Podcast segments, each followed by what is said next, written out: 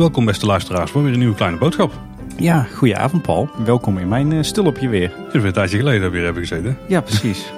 Hey, we hebben onze 50ste aflevering opgenomen. Ja, en die hebben we alweer achter de rug. Ja, daar hebben we een hoop uh, felicitaties op gehad. Dank daarvoor. Ja, bedankt luisteraars inderdaad voor al jullie leuke berichtjes. En we hopen zeker nog uh, een stuk of 50, nou ik hoop nog veel meer dan 50 erbij te maken. Maar het, het zou inderdaad leuk zijn als we, als we de 100 halen ergens in 2019. Ja, die kans is nu al extreem groot. Ja, precies. Ik heb er wel zin in, moet ik zeggen, in de komende 50 afleveringen. Met dit tempo van bonusafleveringen haalt misschien dit jaar wel. ja, dat is al precies. niet. Hey, uh, poeh, afgelopen weken wat een nieuws. Ja, de, de, de, we zijn weer even twee weken weg. Of nou, we zijn niet twee weken weg geweest, maar even twee weken geen nieuws opgenomen. En uh, ik, ik, had een beetje het idee dat het de afgelopen weken een soort van diarree aan Efteling nieuws was. nou, ik, ik dacht ervan zou het zo nou een beetje hebben gevoeld begin jaren tachtig. Dat er zoveel ontwikkelingen in het park zijn dat je denkt van wat gebeurt hier toch allemaal? Ja, ja het, het, was echt bizar. Ik heb daar straks nog voor mezelf zitten opzommen. Uh, de Zes Zwanen, de Bob terug open, Maxim, uh, Moritz, Strookrijk, infills, uitbreiding of aanpassing aan het hotel. Vogelrok, Fata Morgana, uh, oude tuffers. Ja, ja kunnen we nog even door. Ja, dat is een beetje ook waar we deze aflevering over zullen gaan hebben. Maar ja, de nieuwtjes blijven maar komen. En dan, de, als je dan ziet wat er dit jaar al is gebeurd. De Python, uh, Sneeuwwitje. Uh, ja joh, we kunnen wel bezig blijven. Het was echt... Echt ja, een diarree aan nieuwtjes deze week. zo voelde het een beetje. Nee, die hoef ik niet te ezelen, denk ik. Um, en we zijn ook in Fata Morgana geweest. Vorige week was dat, denk ik. Ja, dat was... Uh... Nou, in ieder geval de aflevering van bonusaflevering van vorige week. Ja. Uh, hopelijk uh, voor iedereen ook interessant. Het was voor ons natuurlijk gewoon heel tof om daar te zijn. Unieke ervaringen. Ja, het was voor mij wel de meest bijzondere rit Fata Morgana ooit. Ja, dat was het sowieso, ja. Vooral, vooral al die animatronics zonder kleding aan, dat was toch wel heel apart. Buiten de eerste rit natuurlijk, hè. Ja, ja, ja, ja, ja. Ja, Loopings had er nog een, een artikeltje aangeweid. Heeft ons wel flink geholpen trouwens. Daar zie je meteen de statistieken. Schiet al flink omhoog. Ja, dus dank, was dus dank daarvoor. Ja. Ja, en ook uh, Team Talk was, uh, heeft, heeft onze rit nog een beetje nabesproken. Dus dat, uh, dat was leuk. Wel interessant dat op het moment dat die open ging, toch bleek dat er nog heel veel extra dingen waren aangepast waar wij toen niet van op de hoogte waren. Maar daar hebben we het eigenlijk nog even over. Ja, of, of waar Oscar niet van op de hoogte was. Ja, dat, dat kan kan ook. Kunnen. Zou ook nog kunnen. Ja. Maar inderdaad, we moeten dadelijk maar eens wat dieper ingaan op, op alle nieuwigheden in de Fata Morgana. Ik ja. moet zeggen dat het voor mij wel goed uitkwam dat, het, uh, dat er zoveel leuk Efteling nieuws was deze week. Want verder was het voor mij vooral een heel, uh, een heel trieste week moet ik zeggen. Iemand uh, die, die heel dicht bij mij staat, die is helaas overleden. Dus ja, het had er ook nog even om gehangen of dat, deze opnames wel of niet doorgingen. Maar uiteindelijk voor een beetje afleiding en toch ook voor onze luisteraars toch ervoor gekozen om het door te laten gaan. Maar ik had eigenlijk een ronduit een klote week moet ik zeggen. Dan hoop ik dat we daar de komende voor onze opnames denk ik 2,5 uur een beetje afleiding kunnen, kunnen regelen voor je. Ja, precies. Nou, de Efteling had er in ieder geval met al dat, uh, al dat nieuws wel voor gezorgd dat ik af en toe nog een, een beetje opgevrolijkt werd. Maar uh, voor de rest, nou, laten we het daar maar niet over gaan hebben. Als je deze podcast luistert, doe je dat misschien via een podcast app. Uh, maar tegenwoordig kun je ons ook vinden via Spotify. Daar staan we ook vandaan. Hè? Dus ook daar kun je abonneren. Ik heb eigenlijk geen idee hoe dat werkt. ik heb ook gezien dat bepaalde luisteraars het al hebben gedaan. Ja, nou ja, Spotify is toch eigenlijk gewoon een beetje online uh, streamingdienst voor, voor muziek, geloof ik. Ja, zeker. Maar ik heb hun podcast natuurlijk nog nooit ontdekt. Ik gebruik het zelf ook niet. Ah, kijk. Wat dat betreft zijn we gelijk in. Ja, precies. Maar ik gebruik weer een andere service. In ieder geval fijn dat we op veel platformen te vinden zijn. Um, Hey, ik begreep trouwens, jij bent ook in Toverland geweest van, uh, van de week, klopt dat? Ja, maar daar heb ik wel het een en ander over te vertellen. Ik heb me ook eens heel goed vermaakt, dus laat daar even de, de conclusie zijn, zeg maar. Uh, en uh, Phoenix was echt uh, een hele toffe coaster. En de gebieden zagen er ook gewoon top uit. Ik heb er wel iets meer over te vertellen, maar dat moeten we misschien even bewaren voor een andere aflevering. Want we hebben het druk vanavond. Ja, jij bent bang dat we heel veel te melden hebben, hè? Ik, ik kan me daar iets bij voorstellen, Paul. Ja, nou, we zullen eens gaan kijken waar we allemaal uh. Maar we hebben eerst nog een paar dingetjes uit de vorige aflevering die we even recht moeten zetten. Ja, de follow-up. Uh, ja, we hebben Genoviva of uh, Genoveva of uh, het bruidskleed sprookje met de, de duiven op het Routenplein.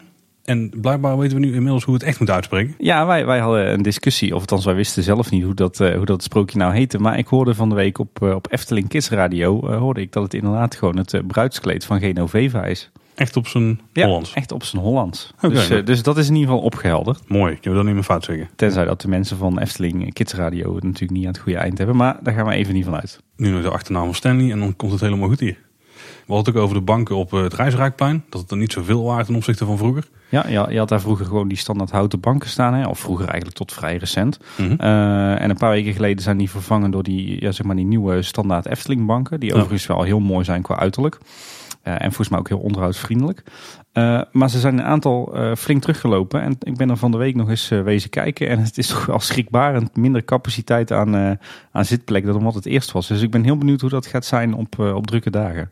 Nou, het kan natuurlijk zijn dat ze misschien nog niet alle banken op gereed hebben. dat ze nog later komen. Het zag er wel redelijk definitief uit, moet ik zeggen. Hoor. Maar ik ben, ik ben benieuwd. Ik hoop eerlijk gezegd dat er wel meer banken komen. Want er was toch altijd wel heel veel vraag naar op het plein. Nou, dat klopt. Ja, veel mensen die wachten totdat eh kinders uit Vogelrok kwamen, bijvoorbeeld. Ja, Of ja, uit, eh, inderdaad. Of, of of gewoon eh, mensen kijken. Hè? Of uh, meeselauwen, zoals we dat dan hier Ja, lokaal zeker. zeggen. Vorige aflevering was Philip Kostjes op bezoek. En die maakte daar de opmerking dat MVO milieuverantwoord ondernemen was, volgens Ja, mij. milieuvriendelijk Oh, ondernemen maakt hij ervan. Ja, ja. Maar dat moet natuurlijk zijn maatschappelijk verantwoord ondernemen. Ik weet niet of die, ik denk dat hij een geintje maakte, maar we moeten misschien Ja, eventjes... we eh, moeten misschien aan hem ja. vragen. Maar dus de Efteling eh, is op dat gebied ook volgens mij goed bezig. Ja. En we hadden de vorige keer, oh, dit was aflevering 50 trouwens, zo rot als een mispel. Eh Vlederik heeft het even opgezocht. Ja, de mispel die blijkt een, een heester uit de rozenfamilie te zijn. Oftewel gewoon een, een rozenstruik. En voor sommige mensen is de, is de mispel een lekkernij.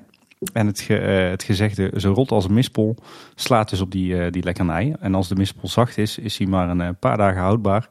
Omdat hij er makkelijk kan gaan beschimmelen en rotten. Dus vandaar de uitspraak zo rot als een mispel. Nou, Dus, we hebben wel geleerd met z'n allen. Ja, dankjewel Frederik voor die, voor die tip.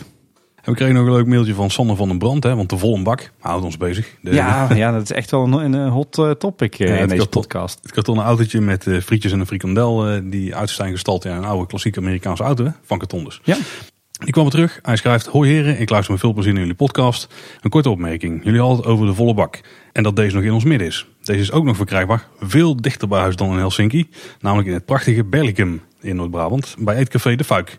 In de frietent staan deze nog op de counter. Tenminste, dat hoop ik. Ik ben er al even niet meer geweest. Dus Paul, je kunt je hart ophalen met deze nostalgische Cadillac. 20 minuten van Kaatsheuvel af. Groetjes en ga ze door met de podcast. Sander van den Brand. Uit Berlicum. Weet je wat nou het mooie is? Nee, Ik rij hier gewoon iedere dag bijna langs. wat verdorie Dus Paul. ik kan denk ik Hey, twee minuten omrijden en dan ben ik er. Je moet voor de podcast moet je daar even een, eh, een vol bak gaan halen. Ja, ja, ja. Eetcafé de Fuik. Heb jij dan ook zo'n een beetje zo'n nieuw kids gevoel? Wie is hier nou de snackbar, jongen? Dat is wel precies het goede hoekje tussen de snelwegen. Ja, precies. Nee, genoeg over voorgaande afleveringen. Zullen we, zullen we het eens over nieuws gaan hebben? Dat lijkt me helemaal prima. Waar, eh, want we hebben ongelooflijk veel eh, te, te vertellen. Dat, eh, dat kondigden we al aan in het begin van deze aflevering. De diarree aan Efteling nieuws. Ehm, ja, waar beginnen we, Paul? Ik denk maar Kniezoor. Ja? Oké. Kniezoor die is inmiddels in de Efteling verschenen. Ja. Heb jij hem gezien, Tim? Ik heb hem eerlijk gezegd nog niet in real life gezien. Ik heb er wel heel veel foto's en filmpjes van gezien. Ik heb hem vandaag bekeken. Ah, jij Dus bent eh, op kan- onderzoek Ik kan enigszins geïnformeerd over Ja. praten. Ja. Ik denk overigens dat als je een beetje wil weten hoe het werkt, dan heeft Maurice het best wel goed uitgelegd in de laatste teamtalk. Dus eh, check die zeker even voor eh, een beetje de technische achtergrond.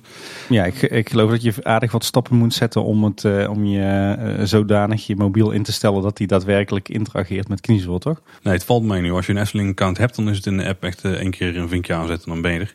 Oké. Maar de, je moet de app wel hebben, de nieuwste. En anders dan schiet het niet echt op. Ik heb het vandaag dus geprobeerd. Hij heeft Mhm. mijn naam gezegd. Echt waar? Ja, maar het ging niet helemaal eh, zonder slag of stoot. Ah, Want eh, je moet inderdaad aankomen lopen vanaf het meisje met de zwavelstokjes. Ik had heel mijn telefoon en de app goed ingesteld. Hè, dus de locatie van mijn eh, telefoon mocht altijd doorgegeven worden aan de Efteling. Eh, Bluetooth stond aan, dat staat altijd aan. Nou, en, en ik had alles ingesteld, hoe je vinkjes gezet, et cetera. En ik loop er langs en er gebeurde eigenlijk niks. En ik denk, oh. Dus Ja, jij weer terug. ik weer teruggelopen, ja. En die, al die mensen maar denken, wat loopt die, wat loopt die kerel daarna op en neer over ja het pad? Nou, zo vreemd vond eigenlijk niet. Oh, Maar in ieder geval, dus ik eh, mijn telefoon aangezet. Ik de app opengezet. ik denk, misschien lukt het dan. Ja. En toen ging het inderdaad goed. Het is natuurlijk niet echt hoe het eh, hoort te werken. Ik weet wel hoe de, hoe de techniek er een beetje achter zit. Ook binnen de app. Dus ik kan me wel voorstellen waarom het niet altijd helemaal foolproof werkt. Maar toen werkte het wel. Maar de, de, hoeveelheid dingen die hij vertelt, die Kniezo vertelt, die vallen nog wel tegen op dit moment. oké. Hij is inderdaad zichzelf eigenlijk gewoon continu aan het voorstellen met eh, 30 seconden wachttijd ertussen of zo. Mhm. Ik vind wel de, zeg maar, de animatie van de gezichten redelijk geslaagd. Ik had de eerste paar dagen, tenminste de eerste dag dat de filmpjes online kwamen, het idee dat die mond nog niet helemaal eh, goed meebewoog met de tekst. Was, tenminste van de stukken die ik heb gezien, een stuk beter. Mhm. En zijn ogen bewegen ook, dus hij kijkt ook van links naar rechts. Oké, Nou, dat, heb ik niet eerder gehoord inderdaad. Nee, maar hij, hij was ook met zijn ogen dus aan het kijken. Daar zitten geen camera's in overigens. Dat was, eh, dat werd in het begin gedacht door een foto die eh, deed lijken. Eh, en zijn oogleden die bewegen dan dus inderdaad... ja, zijn, zijn wenkbrauwen staan zeg maar stil, maar zijn oogleden die bewegen omhoog. De onderste ooglid? Ja, ja, ja, volgens mij. Vakterm. Dus ik vind het qua uitstraling ziet het er goed uit. Eh, Het enige wat een beetje jammer is dat er eigenlijk best wel dichtbij een boom achter staat ook. Mhm. En daardoor ook op foto's dan, dan is het een beetje heel onduidelijk waar die nou ophangt of ophoudt en zo. Oké. Ehm, en dan hangt ook een vogelhuisje aan, dus een beetje, dat is een beetje ongunstig. Mhm. Maar op zich de vormgeving van Kniezel zelf is echt wel tof. En het ziet er ook echt wel goed uit. En de kleur van de bast die kleurt ook best wel goed bij eh, de boom die daar staat. Ja, zodra alles groener wordt, dan, dan kleurt hij trouwens misschien groen mee. Ja, ja, dan eh, krijgt hij, eh, dan komen die algen en die mossen daar ook gewoon op. hè? Ja, en ik zag ook in een paar close-ups dat ze al wat, eh, wat mos zeg maar, in wat kiertjes er hadden, hadden geklust. Ja. Dus dat was wel tof. Ja, en de dingen die hij zegt, ja. Ik, ik denk dat we nog daar even nog het oordeel over moeten uitstellen. Want ik had het idee dat, het nu, dat hij nu niet zo heel veel dus zegt en zichzelf continu aan het voorstellen is. Wat, wat zei hij over jou dan? Of zei hij alleen maar, Hij zei, hallo eh, Paul? Ja, eh, leuk dat je er bent. Nou, ja, ik moet zeggen, ik heb, ik heb er dus wel, eh, vooral foto's en filmpjes van gezien. Ik, vind, ik vind, vond het ontwerp vond ik, vond ik best mooi eigenlijk. Het is wel een beetje een Halloween boom, heb ik het idee. Het, Ja, doet valt, redelijk valt wel mee eigenlijk als je daar staat. Ah, Oké, dat, dat leek op de ontwerpen van Robert Jaap. Maar ik, ik vond het mooie ontwerpen. Ik vind hem ook prachtig uitgevoerd. Hij, hij ziet er wat mij betreft ziet hij er inderdaad eh, prima uit. Past hij ook prima op die plek in het Sprookjesbos. Eh, de stem, ehm, ja, daar hoorde ik eh, heel wat verschillende meningen over. Maar op zich voor een, een, een oude boom, een klagende, zeurende boom, vond ik dat ook nog, nog niet eens zo'n heel groot probleem. Ik vond er wel een Peter Reiners randje aan zitten. Nou, ik vond, ik Een vond hem beetje, wel maar dan wel dat hij wel op had en een beetje moe was. Ja, ja. Maar nou ja, ik, ik zal me ook af te vragen waarom hebben ze die stem nu gekozen. Want het is een beetje nog twijfelachtig wie het heeft ingesproken. Daar zijn we nog niet helemaal achter. Nee. We hadden een berichtje gekregen van eh pretparkkiekjes dat het misschien Jeffrey Erens was. Want die had op Instagram iets gezegd.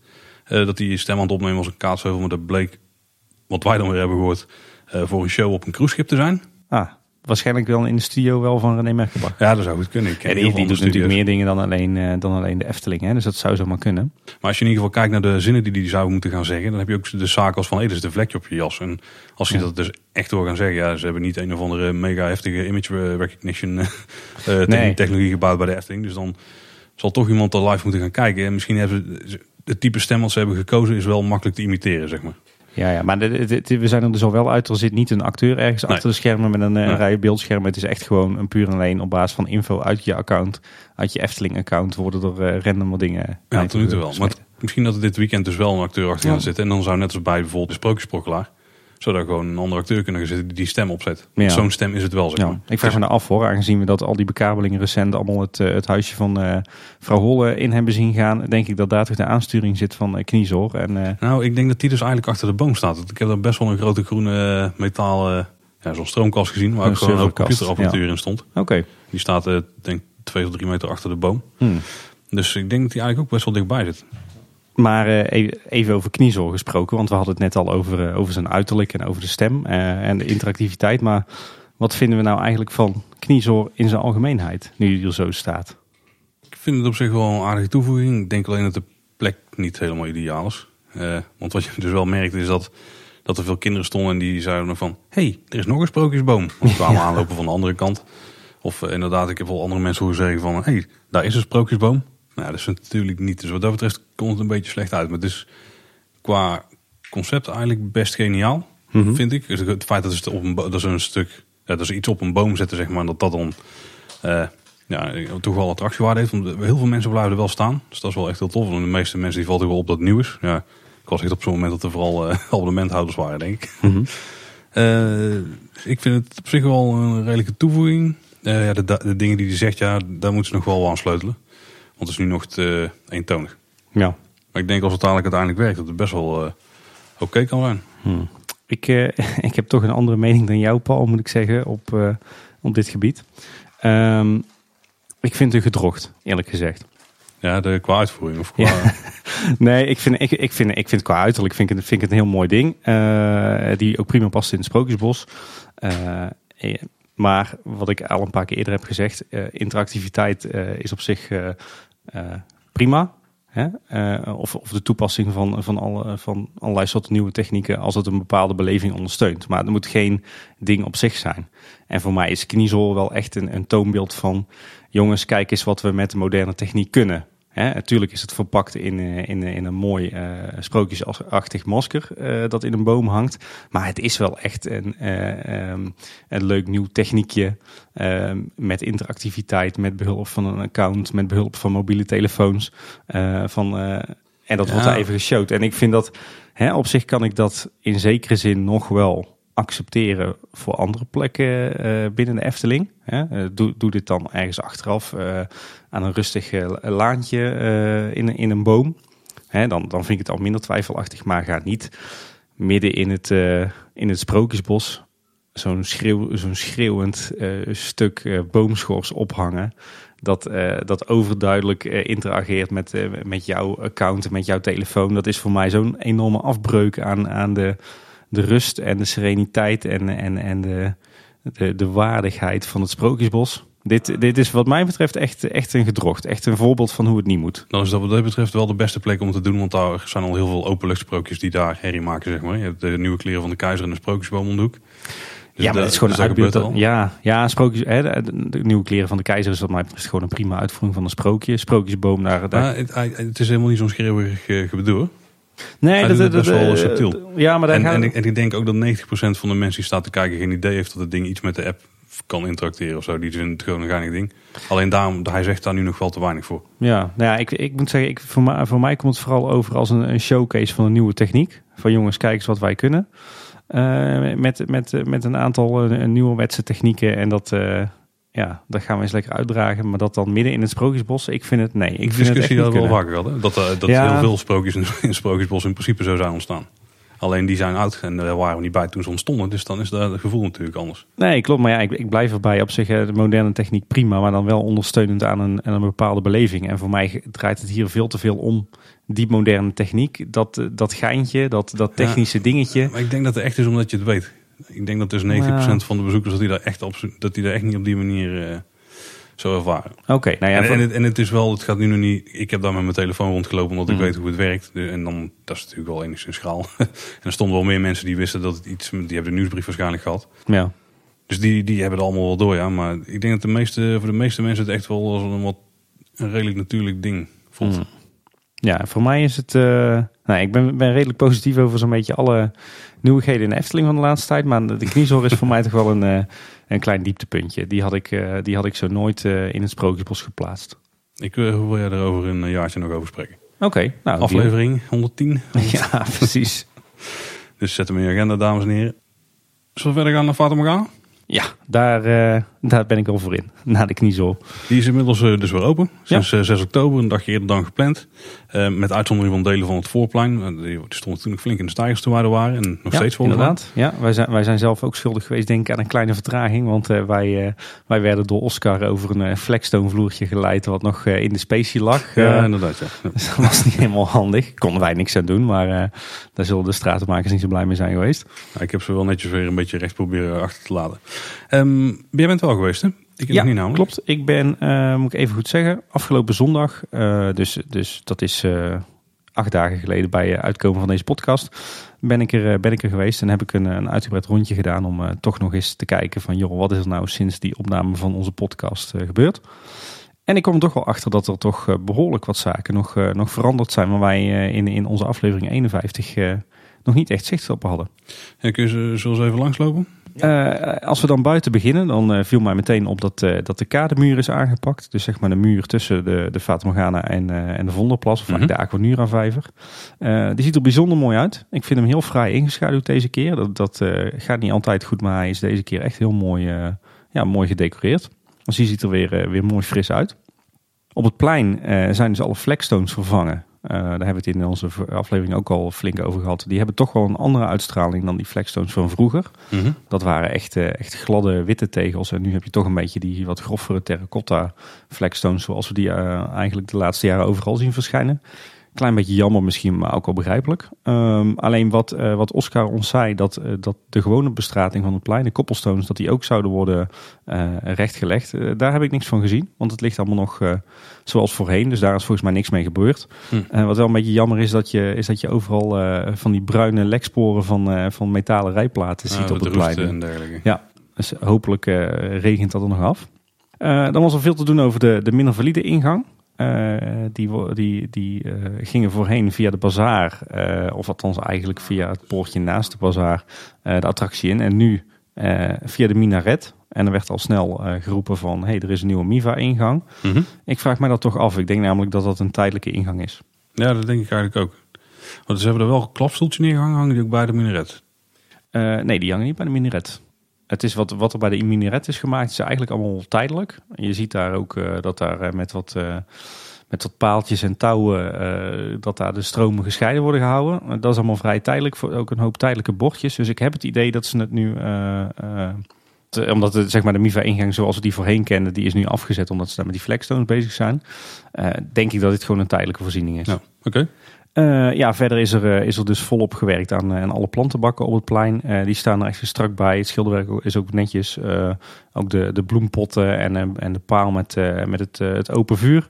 Die zijn weer strak, staan weer strak in de lak. Ik heb ook het idee dat de, de koepels op de zijgevel, dat die na onze rondleiding toch nog een van die dagen daarna toch nog een keer geschropt zijn. Ja, die zagen er toen niet zo super netjes uit, hè? Nee, nee. Die, en dat verbaasde ons toen dat er niks mee gebeurd was. Maar ik heb het idee dat ze toch nog een keertje een, een schoonmaakbeurtje gehad hebben. ze zijn niet geschilderd, maar wel schoongemaakt. Oké. Dus dat is op zich ook een positieve verrassing, denk ik. Die schilderbeurt die moet nog, moet nog komen. Um, dat vertelde Frank Poels ook bij ons in ons interview. Maar ja, de grootste verandering, dat zijn toch wel de jungles, hè? Ja, daar hebben we natuurlijk de planten en zo wel van gezien. Uh, de verlichting hebben we niet toen in uiteindelijke vorm gezien. Wel een, nee. We hebben wel een beetje kunnen zien hoe de kant op ging, maar waren nog niet helemaal klaar. Nee. Uh, wat misschien nou ook wel een heel groot verschil is, is dat de actiefoto daar is weggehaald. Bij ja, de eerste jungle. Ja, klopt. En die zit nu op een iets ongunstigere plek, denk ik. Ja, het is een verbetering voor de beleving in de jungle, dat absoluut. Maar uh, ja, de foto is nu verplaatst eigenlijk naar de, naar de harem, hè? Naar, ja, de voorruimte, eigenlijk de ruimte voor, dat, voor de troonzaal van de Pasha. Maar zijn die flitseffecten bij die deur zijn die ook weg dan? Uh, nee. Um, Want dat verhulde een beetje de flits van de foto toen. Nee, je, je hebt wel nu nog steeds in die eerste jungle dat je uh, op het moment dat de tovenaar zijn, uh, zeg maar zijn toverstaf richt op de deur, heb je nog wel die partyverlichting in het, in het dak, zeg maar. Mm -hmm. je hebt niet meer die flits van de maxifoto natuurlijk, of van de actiefoto. Je hebt ook niet meer de laser, die is ook ja, weg. Ik dacht dat het dan misschien de reden was dat ze hem daar weg hebben gehaald. Want iedereen die stak zijn handen daarop bij de laser en dat gaf niet altijd de beste foto. Oké, okay, nou ja, de, de laser is nu ook weg. Ik, ik denk dat dat gewoon ook permanent weg is. Mm -hmm. uh, dat, is, dat lijkt me prima, want lasereffect is echt niet meer van deze tijd. Je hebt nu wel een mooi lichteffect op de deur. Dus op het moment dat die deur, uh, dat je zeg maar vlak voor de deur zit, voordat, die, voordat je zeg maar daadwerkelijk, dat die daadwerkelijk open gaat, dan heb je een beetje zo'n ja, zacht pulserend licht op, op de deur, zeg maar. Oh, ja, Weet je, in hetzelfde ritme als het, uh, als het toverstaf van de tovenaar. Dus dat is wel heel gaaf gedaan.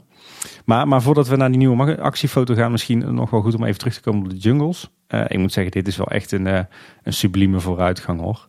Zo, de, de, de beplanting is zoveel keer uh, is zoveel meer dichter dan voorheen. veel gevarieerder, veel kleuriger, veel levensechter. Oh, de verlichting die is echt, echt verbeterd. Het is nu ja, echt veel duisterder en, en ja, tegelijkertijd toch ook weer meer lichtkleuren. Dus het is echt, ja, het heeft echt wat, wat mysterieus, echt jungle hè. Ik begreep ook dat in de laatste jungle dat er een soort, hoe moet het doen, een soort, een soort ochtendeffect is. Ja, inderdaad. Wordt het langzaam maar zeker licht. Ja. Uh, ja. ja, klopt. Is me ook opgevallen. Was heel gaaf. Ja, nee, sowieso. Ik heb ook het idee dat, uh, dat de muziek ook wat geplust is. Dat er nieuwe speakers hangen. Dat er uh, ook wat aan de geluidseffecten getweakt is. Dus die, die eerste en die laatste jungle, die, die zijn echt ongelooflijk verbeterd. Dat is echt, ja, echt een super verbetering. Het enige wat ik daar nog een beetje miste was wat meer mist. Het, uh, er hangen nu wat plukjes mist en daar hoort eigenlijk hoort daar mooi over het wateroppervlak een, uh, een hele dichte laag mist te hangen nog. Dat zou het nog beter maken.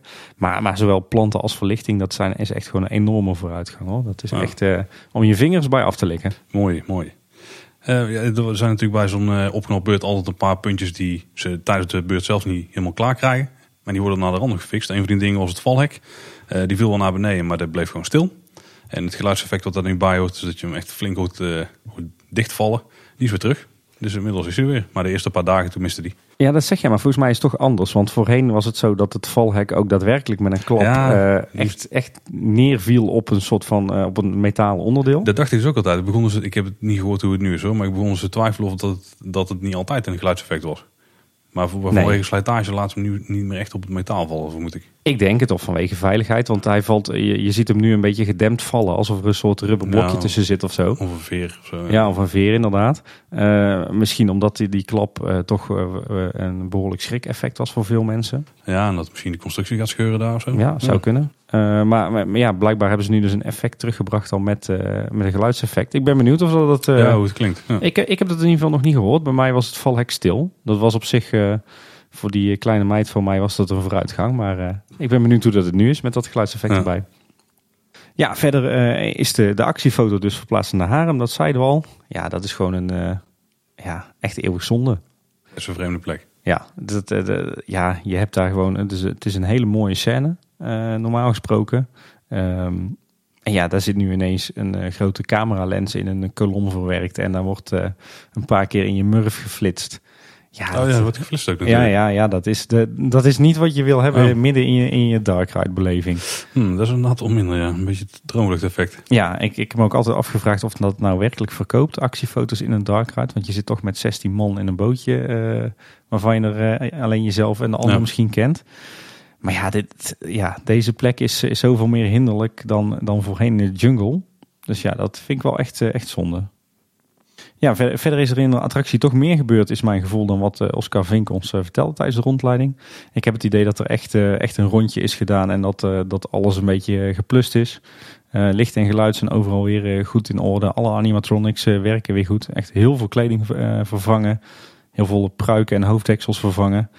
En, en ook heel veel effecten die, die niet of niet goed meer werkten, die het nu ook weer doen. Dus ik had echt het gevoel dat ik van A tot Z een, een optimaal Vata-ritje had eigenlijk. Buiten het geluid van het hek en een actiefoto. Precies, goed en, opgelet Paul. En missende mist. ja, ja, Tim ja, ja, op de scherp, eh, Paul. Ja, precies. Nou, goed. We kregen een aantal vragen over de evacuatieplatforms, want die haalden we aan tijdens eh, ons ritje. Ja, Ehm, en hoe zichtbaar die waren, hoe was het nu eh, tijdens het rit zelf? ik vond het meevallen. Je had een aantal van die eh, stepstones noem- noemden ze volgens mij. Kleine Ja, je hebt, ja, je hebt eigenlijk heb je, je hebt nu twee soorten evacuatievoorzieningen in de Vata. Je hebt ze zeg maar oude stijl, dus met, die, eh, met, met een rooster onder water en daar een soort van opblaaskussen aan. Die opblaaskussens zijn wel vervangen, eh, maar, die, maar die constructie is hetzelfde gebleven. Die zie je natuurlijk sowieso niet, zeker omdat die kussens nu groen zijn in plaats van wit. Maar op een aantal plekken zijn die vervangen door een nieuw soort evacuatieplatform zonder kussen. En daar komen ze inderdaad, daar, daar ligt een, een platform onder water. En Ja, dat net, denk ik. Ja, ja, nog best wel een eindje Ah, onder water. En dat komt omhoog in geval van evacuatie. Maar daar zitten inderdaad een soort van ja, stapstenen wel boven water. En die, ik moet zeggen dat die zichtbaarheid daarvan wel meevalt hoor. Ja, ze zijn donker en ze zijn ongeveer zo groot als een half A4'tje, denk ik. Ja, dus een ja. A5'je. Ja, nou, je kunt er met één, één voet op staan. Hè? Ja, ja, ja. En zo kun je eigenlijk vanuit de boot naar de kant eh, stappen. eh, mocht het evacuatieplatform zelf niet omhoog komen. Ja, oké, dus dat valt mee. Dus, Ja. Ja, ik had wel een beetje het idee dat er nog wat rek op de staalkabel stond van de Vata. Eh, want wij hadden, ehm, zeg maar in de kantelkamer, voeren wij eigenlijk tegen de deur aan. Dus tegen de nieuwe deur. En toen eh, Ja. de boot, ja. En eh, toen viel de attractie ook in storing. Logisch natuurlijk, want als je een deur aanvaart, dan, dan valt hij in storing. Ja, en ik had het idee dat, dat onze boot gewoon wat, wat te veel uitzwenkte. En zodoende dus, dus de deur raakte. Dus misschien dat dat nog een puntje van aandacht is. Hmm. Die nieuwe deur, want hè, alle deuren zijn, eh, alle showdeuren zijn aangepakt met dit onderhoud. Die deur bij de kantelkamer die laat wel wat veel licht door ten opzichte van de vorige versie. Ja, en de- de- de- je bedoelt de deur waarmee je erin gaat of eruit gaat? De ingaat. Dus vanuit de donkere ruimte de kantelkamer in. Ja, oké. oké. Ik denk als je eruit gaat, namelijk omdat daar het licht aan de andere kant nu dus een beetje opkomt. Dan is Ja. dat ook misschien storend. Maar daar zal nee, genoeg nee, nee, in de nee dat, was, dat was absoluut niet het geval. Ehm, maar goed, kleinigheidje blijf je houden. En dan hebben we de bazaar nog natuurlijk. Want die is ook opgeknapt. Ja, ja, inderdaad. Nu, eh, nu die helemaal vol met merchandise staat, hoe ziet het er nu uit? Ja, ik denk dat de meeste mensen niet door zullen hebben dat die echt ehm gerestyled is. Het voelt nog steeds wel als dezelfde winkel. Er staat natuurlijk ook heel veel van dezelfde merchandise in. Ik vind wel een vooruitgang. Voorheen was die winkel eigenlijk qua aankleding zelf heel wit. eh, en er stond gewoon heel veel eh, ja, Oosterse souvenirs. Ja, ro- rommel. Het is maar net hoe je het, hoe je het wil noemen in. Ehm, nu zit er toch wat meer kleur op de wanden, wat meer kleur op de plafonds. Wat meer houtwerk en luifeltjes. Dus hij is wat aangekleder en dat eh, ja, doet, doet, doet wel wat leuker aan. Het is wat meer nu echt een, een eh, bazaar dan een Xenos. Dus absoluut een vooruitgang. Maar eh, ja, het, het, ehm, het zal lang niet iedereen opvallen, denk ik. Ja, het is vooral denk ik aan de bovenkant dat het opvalt. Want als je de, ik heb de concept art nog eens gecheckt. Mhm. Daar stond eigenlijk helemaal niks van verkoopwaar in. Dat waren gewoon lege schappen en zo. En die hebben wij gezien. Tenminste, Ja. ze waren nog Ja, precies, we waren aan het klussen. En ze waren toen ook de baling nog aan het ombouwen. Want die was toen nog hetzelfde. En die is eigenlijk ja, op het oog. Moet, daar moet je wel goed opletten inderdaad. Nee, het, zijn, het, zijn, eh, het is met name de kleurtjes op de, de, de wanden zeg maar, en, de, en de plafonds die, eh, die Ja. echt veranderd zijn. Ja. Eh, en, en wat, ja, wat uitstalvoorzieningen die wat mooier zijn gemaakt. Ik, ik vond de vooruitgang, maar het is, het is niet dat er nou schrikbarend veel veranderd is Nee. of zo. Nou ja, eigenlijk resumerend eh, kan de Fata inderdaad weer, eh, weer zes jaar mee. eh, zoals Oscar ons al vertelde wat de bedoeling was. Ik bedoel, alles is echt weer tip-top in orde. Ja, het enige wat jammer is, is dus dat... ehm, dat de koepels buiten, dat die, dat die nog niet geschilderd zijn, wel schoon inmiddels. Maar wat vooral jammer is, is natuurlijk dat, dat de storing in de ruimte van Jin niet is aangepakt. Jin zelf, de reus, die beweegt wel netjes met zijn hoofd.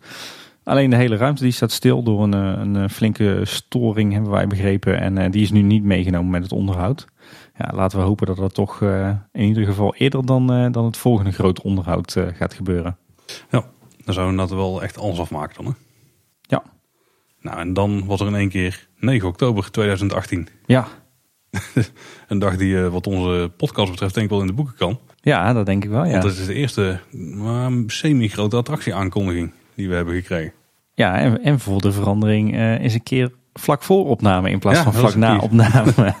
Dat was ook niet verkeerd. Maar in ieder geval op 9 oktober 2018, toen heeft Efteling aangekondigd dat de Bob weer open gaat. ja, Eh, maar ook dat deze definitief gaat sluiten, namelijk eind augustus 2019.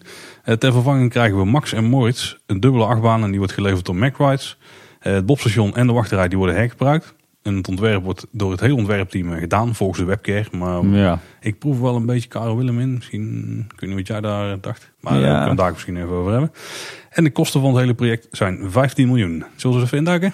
ja, het lijkt me goed. Was, dit was denk ik toch wel het grootste nieuws eh, Dit waar we het, wel eh, het grootste nieuws. het over moeten hebben. Nou, eh, 11 oktober is de Bob dus weer open gegaan. Ja, En dat is nou- eh, vandaag, of althans het, het eh, moment van opname eigenlijk. Oh, je haalt heel de magie weg, Tim. Voor de Ah, ja, dat is waar. Augustus 2019 dan kun je daar je laatste ritje maken. Ik had begrepen dat het echt gewoon eh, 31 augustus is. Dus eh, vanaf september dan gaan ze slopen. Ja, inderdaad. Ik, ik ben wel blij dat die toch weer open is. Hoor. Sowieso eh, eh, chapeau aan de Efteling dat ze echt maandenlang gewerkt hebben om die attractie weer werkend te krijgen. Eh, en dan vervolgens voor eh, iets minder dan een jaar om hem Ja. daarna weer te sluiten. Maar ik, eh, ik, ik ga binnenkort wel weer een ritje maken in de Bob hoor. Ja, even daarover dus. Koen Bertens die zei al de benodigde aanpassingen voor de toekomst en het feit dat soortgelijke achtbanen niet meer geleverd worden, hebben ertoe geleid dat de Efteling een alternatief heeft gezocht en gevonden. Ja. Nou, het aanhaaksysteem van de lift is vervangen, dus daardoor kunnen we nog even nou, een maand of 10, 11 van genieten. Ja, inderdaad. Ik ben er wel blij mee. Ik, ik krijg toch nog de kans om hem met mijn dochtertje te doen, Ja, eh, denk is, ik. Dat is precies ook hetgene waar ik meteen aan dacht. ja. Ja, kijk, dat de Bob gaat sluiten vind ik uiteraard jammer. Als het was een unieke achtbaan, dus Ja. die gaan we wel missen in het park. Het is wel logisch dat die gaat verdwijnen. Ja. De capaciteit is laag. Het is echt dus wel een zorgenkindje. De afgelopen 15 jaar eigenlijk al wel. ja, inderdaad. Ze, hebben er, ze zijn eraan blijven sleutelen. Hè? Ja, eerst hadden we natuurlijk het eh, geluidsoverlastpunt. Ja. En daarna ja, eigenlijk nog, nog een keer. Want het slimme haakjes, eh dat is ook vanwege geluidsoverlast natuurlijk ooit Ja, gekomen. ja, klopt. En eh, nu hadden we dan dus dat eh, de bedrijfszekerheid een stuk eh, te wensen liet. Ja. Dat de veiligheid een beetje ook in het geding kwam met de remsectie. Met name als het regende. En, ja, dus ja. dat hij inderdaad ging sluiten tijdens de regen al. Dus dat hij dan al niet meer rijdt. Dat doet hij nu nog steeds niet volgens mij. Nee. Dus ik snap wel waarom ze het hebben gedaan. En ja, het grote nieuws is natuurlijk dat er een vervanger komt. Ja, ik, moet- ik moet ook zeggen, ik, ik heb dan her en der in de, in de media wat berichten gelezen van mensen die het echt niet vinden kunnen dat, dat de Bob weggaat. Maar Dat is een Ja. heel onrealistische mening, denk ik. ja, ik denk dat het heel begrijpelijk is dat de Bob Ja. weggaat. Kijk, tuurlijk heeft de Efteling 4,5 miljoen gestoken in het, eh, het bijna volledig vervangen van de Python. Maar ja, die baan die heeft toch veel meer iconische waarde dan de Bob. Nee, daar, daar ben ik wel met je eens. Ja. Ik, ik denk de Bob altijd zo'n eh, toch wel een, een licht vergeten attractie is bij heel veel mensen die naar de Efteling gaan. Ja, ik, ik heb er ook eigenlijk eerlijk gezegd in al die jaren niet, niet, niet heel veel in gezeten. Ik vond dat het wel een leuke baan, met name als het geregend had. Het was wel een heel gaaf baantje, maar toch op de een of andere manier belandde ik er ook niet vaak in. Ik denk dat ik de reden daarvan wel snap, want de wachttijd is zelfs op een rustige dag al snel een half uur. Ja, en Ja. als abonnementhouder is dat dan een beetje de grens waarbij je dingen toch gaat overslaan. Ja, inderdaad. En zeker met die oude bobs nog, toen lag de capaciteit Ja. nog lager. En dan had je toch vaak eh, op een beetje drukke dag alweer 75 tot 90 minuten wachttijd bij de bob. Ja, En- en dat is niet leuk. Nee, nee, nee. Dus ik snap het wel. Ik, het is inderdaad jammer voor, voor het attractietype, want het was een redelijk unieke baan, dat klopt. Maar het is, het is wel een hele begrijpelijke keuze, denk ik. Zullen we eens even naar Max en Moritz gaan kijken. Ja, de vervanger. De bouw van die start september 2019. Ja. Eh, dus over eh, een klein jaartje. Ja, Eh, op de locatie van de Bob uiteraard. En we hebben inmiddels concept art gekregen. Die zat meteen bij de aankondiging. Ja. Ik vond hem overigens uh, vond ik de aankondiging misschien best wel op tijd. Heb je enig idee waarom ze zo vroeg al zijn? Want het is niet dat ze volgende week de bouwvergunning gaan aanvragen. Nee, uh, goede vraag. Ik, ik weet ook niet. Ik vond dat ze, dat ze ineens heel veel nieuws in één keer uh, ja. combineerden. En de Bob weer open. En de Bob uh, dan dus maar na een jaar weer dicht en vervangen door een andere achtbaan. Daar zat ook nog een hoop nieuws bij over Strookrijk. Ja. Hè, de reisrijkuitbreiding, die, die wordt die wordt wat vertraagd. Misschien dat het daardoor kwam. Hè? Mensen zitten toch een beetje, zaten toch nog een beetje in die flow van... joh, de eerstvolgende uitbreiding is, uh, is dat Strookrijk. Die uitbreiding van het Reizenrijk met een, een lounge coaster. Family coaster. Um, ja. Ja, ik denk dat je daar wel eens gelijk kan hebben. Ik denk dat het daar vandaan kwam, eerlijk gezegd. Ja, het was maar een voetnoot in het persbericht. Maar ik denk eerlijk gezegd het uitstel daarvan... en in plaats daarvan dus de vervanging van de Bob die naar voren is gehaald als een soort plan B. Ik denk dat dat een beetje de reden was dat ze het nu toch al aankondigden. Ja, dat is eigenlijk een beetje plan A en een half. Hoe noem je dat dan? A-accent? ja. ja, ik denk inderdaad dat dat wel eens de reden zou kunnen zijn. Ik dacht, het is ook wel het is een soort brengen als nu is het tijd om afscheid te nemen van de Bob. Dus neem de kans nu die er nog staat. De vraag, de vraag is natuurlijk hoe lang het volhoudt. Ja, en in 2018 hebben ze natuurlijk weinig, hè, naast de herbouw van de Python, weinig te melden gehad. En nu zie je echt van, joh, 2019 opent de Zes Zwanen, 2020 opent uh, Max en Moritz, 2021 opent een, uh, een hele uitbreiding van het Reizenrijk, waar we het nog over gaan hebben. En ze, ze zetten echt alweer even de, de lijntjes uit van, joh, de komende jaren uh, staat er weer flink wat te gebeuren in de Efteling. Nou, de komende, ja, inderdaad. Als je bijvoorbeeld een Efteling-podcast hebt, is het niet verkeerd nou rond deze Nee, het zijn goede jaren voor, voor Kleine Boodschap. Ja, er wordt dus een nieuwe dubbele familieachtbaan. Het wordt geen duelingbaan, is uh, al een beetje gemeld. Ja. Het, het, idee is dat het echt een baan wordt voor kinderen tussen de 4 en de 10 jaar oud. Van dus minimaal een meter. Maar iedereen mag er natuurlijk in. Het is gewoon een baan voor iedereen. Maar dat is wel echt de, de doelgroep waar ze op mikken. Die moet een beetje de eerste achtbaan worden voor de, voor de kids. Ja. Uh, hoewel ik toch wel het idee heb dat misschien wel die nieuwe family coaster op uh, Strookrijk ook wel voor vanaf een meter zou kunnen zijn. Maar daar zien we dan wel uh, tegen die tijd. Die wordt denk ik wel iets spectaculairder dan deze. Eigenlijk is het, het is ook al raar misschien om, om in 2020 en in 2021 een kindvriendelijke achtbaan te openen. Nou, ik kunnen daar wel heel eventjes over hebben. Okay. Want ik denk dat er wel uh, geldige reden zijn om het op deze manier aan te pakken. Oké. Okay. Um, dus we proberen het huidige ja, bergthema te behouden. Het is nu natuurlijk Zwitsers, maar het sprookje Max en Moritz, of sprookje, het verhaal van Max en Moritz uh, is een beetje Zuid-Duits uh, verhaal. Ja. Dus wel richting richting de bergen. Ja, het is eigenlijk een beetje Alpenthema dan, hè? Zou ja. we dat zo moeten noemen? Ja, maar de Alpen liggen weer zuidelijker. Hè? Dus ja, dat is ook weer zo. Dus, dus voor het bergthema heeft de Efteling uh, gezegd. We behouden Duits, bergthema. Duits bergthema. Het gaat een beetje van Zwitsers naar Zuid-Duits. Dat kun je ja. in de concept art ook wel zien. Dus met veel van die houten lijn, zeg maar wit stukwerk met houten latten ertussen. Ja, van, die typische vakwerkhuisjes. Ja, uh, ja, precies. Ja. Zoals je in een mooie oude Duitse dorpjes nog vindt. Ja. En uh, ja, je ziet wel inderdaad de vorm van het je herkent de oude vorm nog wel in van het station, maar er wordt op een paar plekken wel een beetje uitgebouwd. Want er komt eigenlijk best wel lange treinen, maar daar zullen daar nog even iets dieper op ingaan. En als we een beetje kijken naar wat voor soort uh, baan het is, want het is overigens de conceptart is niet definitief. Hè? Daar hebben ze ook al uh, volgens mij via de webcam bekendgemaakt. Maar ja, ik zie geen lifthill. Uh, ik zie ook, als ik zeg maar het station kijk, dan ja, daarin gaat er ook geen lifthill komen. er is niet echt een rechtstuk voor een launch.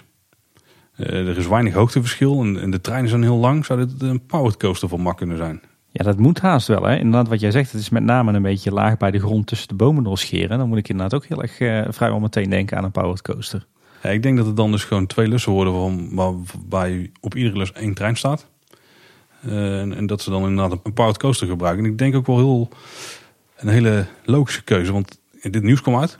Mm. En uh, dan ga je op de forums lezen, wat vindt iedereen ervan? En een beetje Twitter checken. En dan lees je toch van, ah, de Bob gaat wegbalen. Ik snap wel dat hij weggaat. Maar waarom zetten ze nou zo'n uh, kleuterachtbaan neer? Waarom uh, niet iets hoogs, heftigs? je kent het wel, ik zag je in voor het uh, BNM's langs ja, komen precies, natuurlijk. Alle wen, ik, alle ik dit, hè? Ja, ja, precies. Al die heftige achtbanen. Want dat vinden we als enthousiastelingen natuurlijk mooi. Ja. maar als je heel erg logisch gaat denken. Ze gaan een nieuwe achtbaan bouwen. Powered, laag aan de grond. dus geen lifthill met een spectaculaire drop, zeg maar. Waarbij de vlinders in de buik komen. Ik denk dat dit echt gewoon een, een achtbaan is gekozen omdat hij weinig geluidsoverlast geeft. Ja, precies inderdaad. Uh, je blijft onder de boomgrens, weinig geluidsoverlast, ja. En, en, en heel kindvriendelijk. Ja, ik zag vandaag een interview met Lex Lemmens en die zei ook van... De Bob was altijd al een zorgenkindje, ook omdat hij veel geluidsoverlast gaf richting het Sprookjesbos. Wat toch een beetje, zoals je net al zei, een beetje een serene plek ja, zijn. Ja, ja. En dat was natuurlijk niet. En ik denk dat dit dat echt wel kan zijn. Want als je naar het Pannendroomgebouw kijkt, dan blijft deze coaster er eigenlijk gewoon makkelijk onder. Want Ja. Ik denk dat het maximaal hoogte misschien Ja, een meter of zes is of zo. Ja. Als we het al halen. Dus ik denk dat daar de, een van de redenen is dat ze hiervoor zijn gegaan. En niet iets met een, eh, met een heel waar dus weer een terugvalsysteem moet hebben. Nee, of een anti-terugvalsysteem. Ja, en het is ook gewoon een, een, een type attractie, een type achtbaan wat we ook nog niet hebben in de Efteling. Hè? Waar je volgens mij best wel wat leuks mee kan met versnellen en vertragen wellicht. Ja, Mark heeft inderdaad wel een hoop interessante mogelijkheden met de coaster. Want ik denk dat we misschien wel iets meer mogen verwachten dan een standaard powered coaster die wel rondjes gaat eh, rijden. Want die doen er vaak twee of zo. Hè? Die, Ja. die razen gewoon een keer door het station en dan gaan ze ook een keer extra. Dus heb je een minder baanlengte, heb je toch een interessante rit. Ja. Maar als je kijkt naar wat er, eh, wat er allemaal in kan volgens Mark, dan kunnen er bijvoorbeeld in-seat multimedia options in. Ik heb geen idee wat dat betekent. Maar ik kan me voorstellen dat er iets met geluid, Hm. Geluid, zo, eh, beeldschermpje, dat soort Ja. dingen. Hè? dat er onboard lighting options zijn. Dus iets met licht, misschien Ja, ja, lichteffect, ja. ik heb geen Ja. idee. Dat is altijd wel allemaal. Maar tegenwoordig kunnen ze ook, eh, zoals ze zelf noemen, right direction changes doen. Dus dat ze gewoon de trein stil kunnen zetten en hem bijvoorbeeld achteruit kunnen laten rijden een stuk. En daarna weer vooruit. Oeh, dat zou heel cool zijn. Dus dan heb je misschien dat je één rondje vooruit doet, één rondje achteruit. Maar als je de concept art bekijkt, dan zie je ook dat een van de treinen de andere kant op rijdt ten opzichte van de, ten, opzichte van de andere trein. Dus ze komen niet alle twee de- dezelfde richting het station uit, zeg maar. Nee, klopt inderdaad, ja. Dus misschien dat ze daar ook nog iets mee doen. Dat, dat één achteruit begint. Want dat kan natuurlijk ook. Hè? Dat, het, het zijn twee verschillende banen. Ze hebben niet Ja. hetzelfde verloop. Het zijn ook wel extreem lange treinen, zie ik nu in de concept art. Want dat, ook dat impliceert wel die powered coaster, hoor. Volgens mij kunnen er 38 personen per trein in. Ja, zo. Dat is wel hè? meteen een capaciteitsmonster, hoor. Ja, ik had even uitgerekend. Stel dat ze een cycle time hebben van ongeveer drie minuten. Dan eh, zit je op 1500 personen per uur. En als we hem dus nog eh, verder kunnen beperken. Zeg maar 2,5 minuten zit je al eh, snel aan de 1800 personen Zo. Dat is een flinke capaciteit van een achtbaan, ja. Dat zou natuurlijk mooi zijn. Want dat is wel een groot verschil met de Bob nu. Ja, inderdaad. Nou ja, wat, wat ik hier zo leuk aan vind, is eigenlijk dat de Efteling een soort tussenstap heeft ingebouwd. Hè? Als je, je, je, kun, je, hè, je, er is voor gekozen om de bob weg te doen. Eh, dan had je er natuurlijk voor kunnen kiezen om eh, een nieuw soort bobslee neer te zetten. eh, wellicht, hè, als ode aan het attractietype. Maar ja, dan kom je al snel bij de bobbaan van Mak uit. En, Ja. en dat is toch meer achtbaan dan echt bobbaan. Ja, en die hebben ze initieel ook op het oog gehad. Hè? We zijn met Mak in gesprek geweest bij de, eh, voordat ze de originele Bob hebben gebouwd. Maar toen is dat type al afgevallen. Oh, Oké, ja, ja. en klopt, volgens ja. mij heeft het toen ook echt 15 jaar geduurd voordat hij wel ergens verkocht is. Oké. mij Ja, hij, hij staat 2000 in of zo. Europa Park zelf wel, hè, geloof ik. de- ja, ja, er staan er een stuk of eh, acht of zo ter wereld. Maar ze- en de, de Efteling kiest er nu dus wel nu dus voor om het, het, het Alpenthema of het bergthema te behouden. Maar dan wel met een ander soort coaster. En dat vind ik wel heel gaaf. Het is natuurlijk ook, ook slim. Hè? Want je kunt de steenbok behouden. Je Ja. kunt uh, Jurgen Freilich laten optreden. Je kunt, eh, je kunt in de winter je Beierse markt neerzetten. Ik bedoel, dat themagebied is toch best wel waardevol. Ook qua omzet. Zo, is het ook, zo werkt het ook. Maar ik vind het wel heel leuk dat ze ervoor kiezen om het, eh, om het, thema te, het themagebied te behouden. Het thema om er wat aanpassingen aan te verrichten en dan toch weer een eh, net een wat ander soort type attractie eh, van te maken. Het is wel dadelijk, van het station er blijft niet heel veel over. hè. Dus onherkenbaar denk ik, behalve de grove vorm dat hij links wel hoger is dan rechts. Als je, Ja, klopt, daar ben ik mee eens. Maar ik vind, ja, ik vind, ik vind het wel heel leuk gedaan, ook heel respectvol, eh, dat hier toch als een soort ode aan de Bob wordt gekozen voor een nieuw, totaal nieuw soort attractie, maar dan wel binnen, een, ja, binnen het oude thema. thema Met- gaan we daar verder op in. Ik heb nog een paar ja. puntjes die ik even wilde aanhalen wat betreft de, de mogelijkheden met de baan. Eh, want je hebt dus eigenlijk een paar opties. Hè. Je hebt dus twee treinen, twee tracks. Nou, Mhm. dat bijvoorbeeld kan de ene start dezelfde kant op het station uit als de Bobs, gewoon vooruit. En de andere Mhm. start de andere kant op, dus richting de remsectie nu. Ja. Eh, want ja, die, ze staan dus andersom op, het, eh, op de track. Mhm. Eh, wat natuurlijk ook kan, is dat misschien eentje achteruit rijdt en de andere vooruit. Ja. Zou heel vreemd zijn, want dan denk ik dat de vooruit coaster toch wel de voorkeur heeft bij de meeste mensen. En wat natuurlijk ook kan, is dat ze alle twee dus rijden ergens op de trek gaan stilstaan. Er staan wel een paar thema-elementen op de baan. Dus misschien dat daar iets mee gebeurt of zo. Dat je dan een stukje achteruit gaat en uiteindelijk weer vooruit. Zou ook kunnen. Ja. Want de Dat trek- lijkt me wel leuk. de trek is niet super lang, zeg maar. Ik denk, als ik moet schatten, 300 tot 400 meter of zo. Dus eh, ja, zeg maar 100 meter korter dan de Bob nu. Mhm. Eh, maar als je zulke dingen doet, dan kun je er wel nog een lange rit uit te slepen. Ja, ja en het, het verhaal, hè, daar gaan we het daar nog over hebben. Het verhaal leent zich er natuurlijk wel voor, hè, van die streken van die jongens. Je, je, als je als, eh, als, ja, als bezoeker terechtkomt in, in zo'n streek van die qua jongens, dan kun je daar wel wat mee natuurlijk. Ja, dat zou inderdaad wel eens een beetje het idee kunnen zijn. Ik denk dat we, dat we daar een beetje aan moeten gaan denken. Ik wilde één ding even aanhalen, dat eh Max natuurlijk helemaal is van de virtual reality. En ik hoop, ik hoop dat ze daar ver weg blijven. Ja. Als we de concept art een beetje inzoomen, dan zie je ook niemand zitten daar overigens mee. Eh, ik kan me niet voorstellen dat ze daar iets mee gaan doen. Waarom zou je het thema langs de baan hebben als je mensen allemaal een bril op gaat zetten. Nee, daar gaan ze niks mee doen. Want Nee, je ziet inderdaad op de impressie dat ze echt zoveel, eh, zo erg hun best hebben gedaan om het, eh, om het allemaal netjes landschappelijk in te passen. En inderdaad met thema-elementen, daar, daar gaan ze echt geen mensen met een brilletje Ja, en eh, inzetten. En het is ook killing voor de capaciteit. daar wou ik net aanhalen. Inderdaad, Ja. dat schiet ook niet op. Nee. Zullen we dan eens even gaan kijken naar het thema? Ja. Max en Moritz, of Max und Moritz. Ja, dat is wel leuk. Het, eh, want de Efteling zegt zelf Max en Moritz. eh, maar het is in het Duits is het Max und Moritz. En in het Nederlands is het eigenlijk Max en Maurits.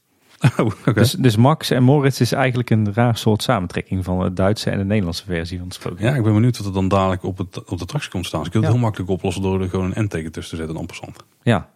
Geen eh, Zou, zou slim zijn, hè? Ja, precies. Ehm, maar het is een sprookje het is over twee qua jongens. Eh, en is Ja, het is, het is geen sprookje. Hè. Het is Oh, een, eh, het, is, tijd sprookje, ja. ja, het is Efteling, hè? het, het schijnt een eh, bekend Duits beeldgedicht te zijn uit 1865. En het is eigenlijk een soort ja, stripverhaal af Ja. van een letter eigenlijk. Hè? Ja, een hele oude. Ja. Ja, bij gebrek aan Philip Kostjes moeten we zelf denk ik maar even het verhaal eh, kort voorlezen. Ja, gebruik jouw, eh, jouw, eh, jouw mooie donkere stem dan maar Mijn innerlijke Philip. het verhaal gaat dus over twee qua jongens die in een Duits dorp wonen. En die zetten daar het hele dorp op stelten met een aantal streken. Waarbij, spoilers, de laatste fataal wordt. Ja. Met een beetje een donker, een donker verhaal. En de- in de eerste streek daar gaan ze kippen vangen van weduwe Bolten. Ja, ja, met stukjes brood. die ze met touw aan elkaar vast hebben gemaakt. En dan vliegen ze zich vast in de boom, die kippen. Weduwe die verlossen dan uit hun lijden. En eh, wat wel- opvallend is in de concept art... dat je vogels wel een beetje terug ziet komen. Op de voorkant van eh, de treinen, volgens mij bij de entreeboog ook. Mhm. Ehm, maar we kunnen de tekening daar nog wel iets dieper bespreken. Voor de tweede streek zijn ze weer bij Weduwe Bolten en die wil de kippen gaan braden. Maar terwijl ze even in de kelder is, hengelen Max en Moritz de kippen door de schoorsteen omhoog. En eh, het hondje, dat krijgt de schuld. Dat bij de vrouwend. Nou, bij de derde streek, daar is de kleermaker het slachtoffer. Eh, en daar zagen ze een houten bruggetje door en daardoor eh, zakte de kleermaker in het ijskoude water. Germ. Ja, het zijn, eh vrolijk, of zijn lieve jongetjes hoor, die Max en Moritz. Precies. De vierde streek is al iets grover. Daar, eh, daar steken ze buskruid in de pijp van, eh, volgens mij even kijken, de schoolmeester en de kerkorganist. Eh, en die ontploft dan. En ze overleeft het maar net. Dus dat gaat al de goede kant op. Hè? Bij de vijfde streek is een oma aan de beurt. Die wil gaan slapen, maar er komt weinig van terecht. Want eh, het hele bed van die meneer is volgestopt met maaikevers. dus die was, die was even bezig. Het zijn wel een steltje qua jongens, zeg. Ja, de zesde wordt al iets vreemder. De, daar eh, gaan ze namelijk krakelingen stelen bij de bakkerij. Maar ze vallen in de deegbak. En dat is precies op het moment dat de bakker weer terugkomt. En die eh, stopt ze dan met deeg en al in de oven. maar dan overleven ze op een of andere vreemde manier. Dus als deegmannetjes komen ze eruit. En eh, nou, dan eten ze zichzelf naar buiten. Nee, dat klinkt Ja, heel voor de hand liggend. hè. En de laatste streek, nou, dat hebben we het gemunt op de boer. Ze snijden gaten in zijn graanzakken. En de boer die komt er dan achter. Eh, want al het graan die stroomt er natuurlijk uit. En die krijgt ze te pakken. En wat doet hij? Hij stopt een qua jongens in de zak. En hij doet daarmee wat hij met het graan had gedaan. Of had willen doen. Hij stopt ze in de molen. Dus hij, eh, hij maalt ze fijn. Kijk, is het gelijk klaar. Ja, en alle dorpsbewoners zijn dan zeer blij. Want alle plagerijen zijn voorbij. Ja. En Mooi verhaal, dood, Ja. ja, ik denk dat de laatste niet helemaal aan de Efteling terug gaat komen. Over. Een beetje een morbide einde. Ja, en er zit wel een, een, een, een rat, een waterrat aan de zijkant van eh, het concept art. eh, of Mhm. aan de zijkant van het stationsgebouw. Ja. Dus een molen. Ja, misschien wordt er toch een, eh, een leuke knipoog gemaakt. Hè? Want in het verhaal zit volgens mij ook dat, dat de resten van de jongens worden opgegeten door de eenden.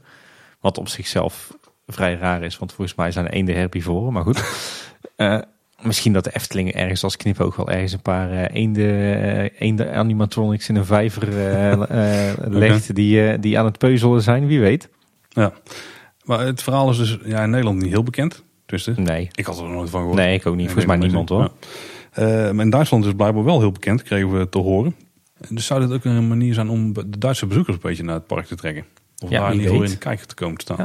Dat is natuurlijk wel een mooie marketing, eh marketing instrument weer. Hè? Ja, en als het echt een bekend. Het is een beetje, denk ik, als je een Jip en Janneke attractie, nou, dat is misschien wel iets kinderlijker, maar, maar vergelijkbaar. Hè? Dat is echt Ja. iets typisch Nederlands. Iedereen kent het. Nou, als daar een attractie ergens van is, dan zou het misschien jou wel trekken om daarheen te gaan. Ja, precies. Misschien is daar wel een beetje vergelijkbaar mee. Dus wel een slimme, Slimme zet, ja. Ja.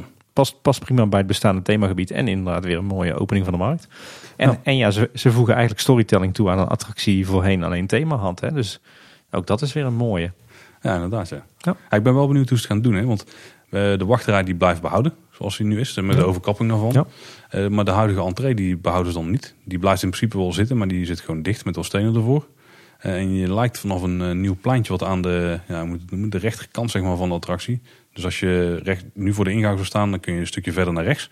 En dan kun je daar een nieuw pad in lopen. Met, daar staat het entreebord ook. Ja. En dan loop je zo een pleintje op met een waterpomp, met wat bankjes. Je kunt er ook een soort uitstekend, hoe moet je het zo noemen? Je kunt er een pad in om naar een soort uitkijkpunt te gaan, om de baan goed te zien. Dat is natuurlijk ideaal voor de grote ouders die, kinderen, die kleinkinderen daar uh, rond willen zien chasen. Ja.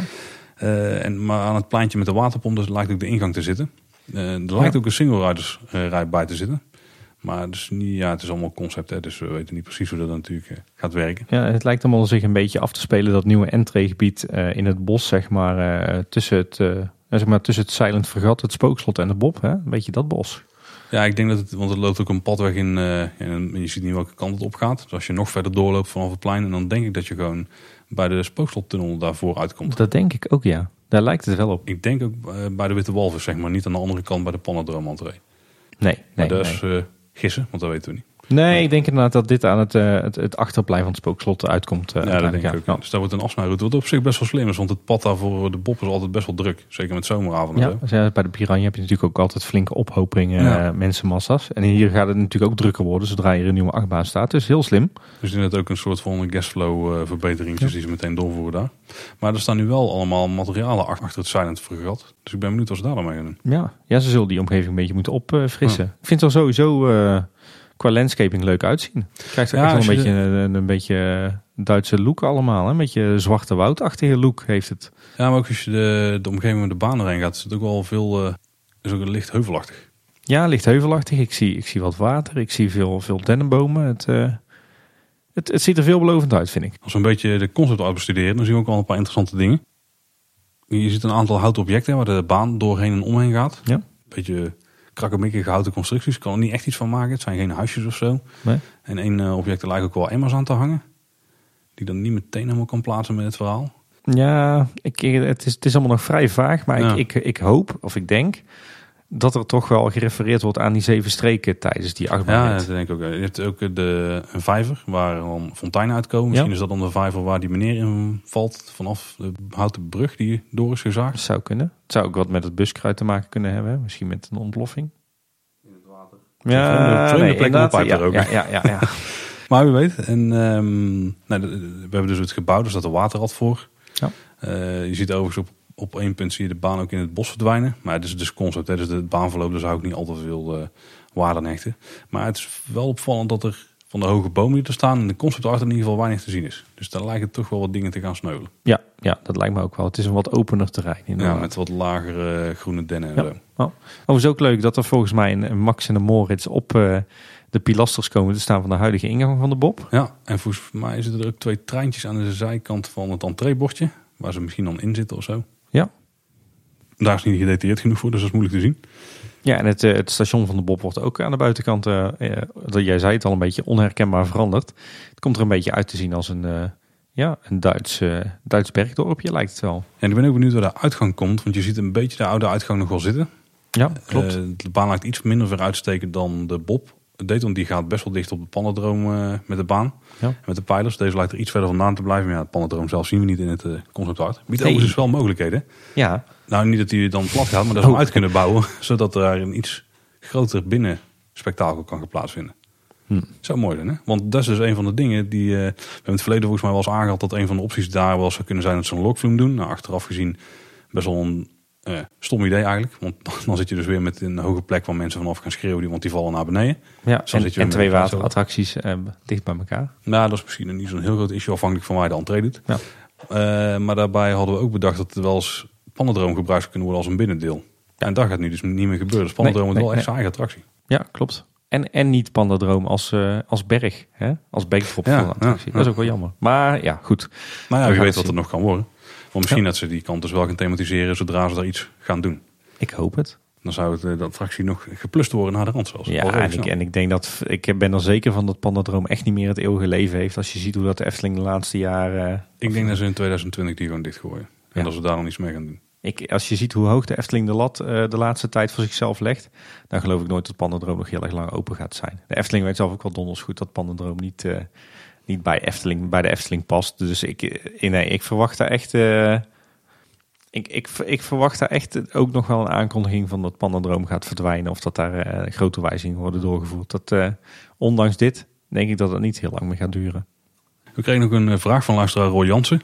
Welk afscheid denken jullie dat de Efteling het meest zwaar valt? Pegasus of de Bob? En wat vinden wij daarvan? Ik denk de Bob. Dat denk ik ook.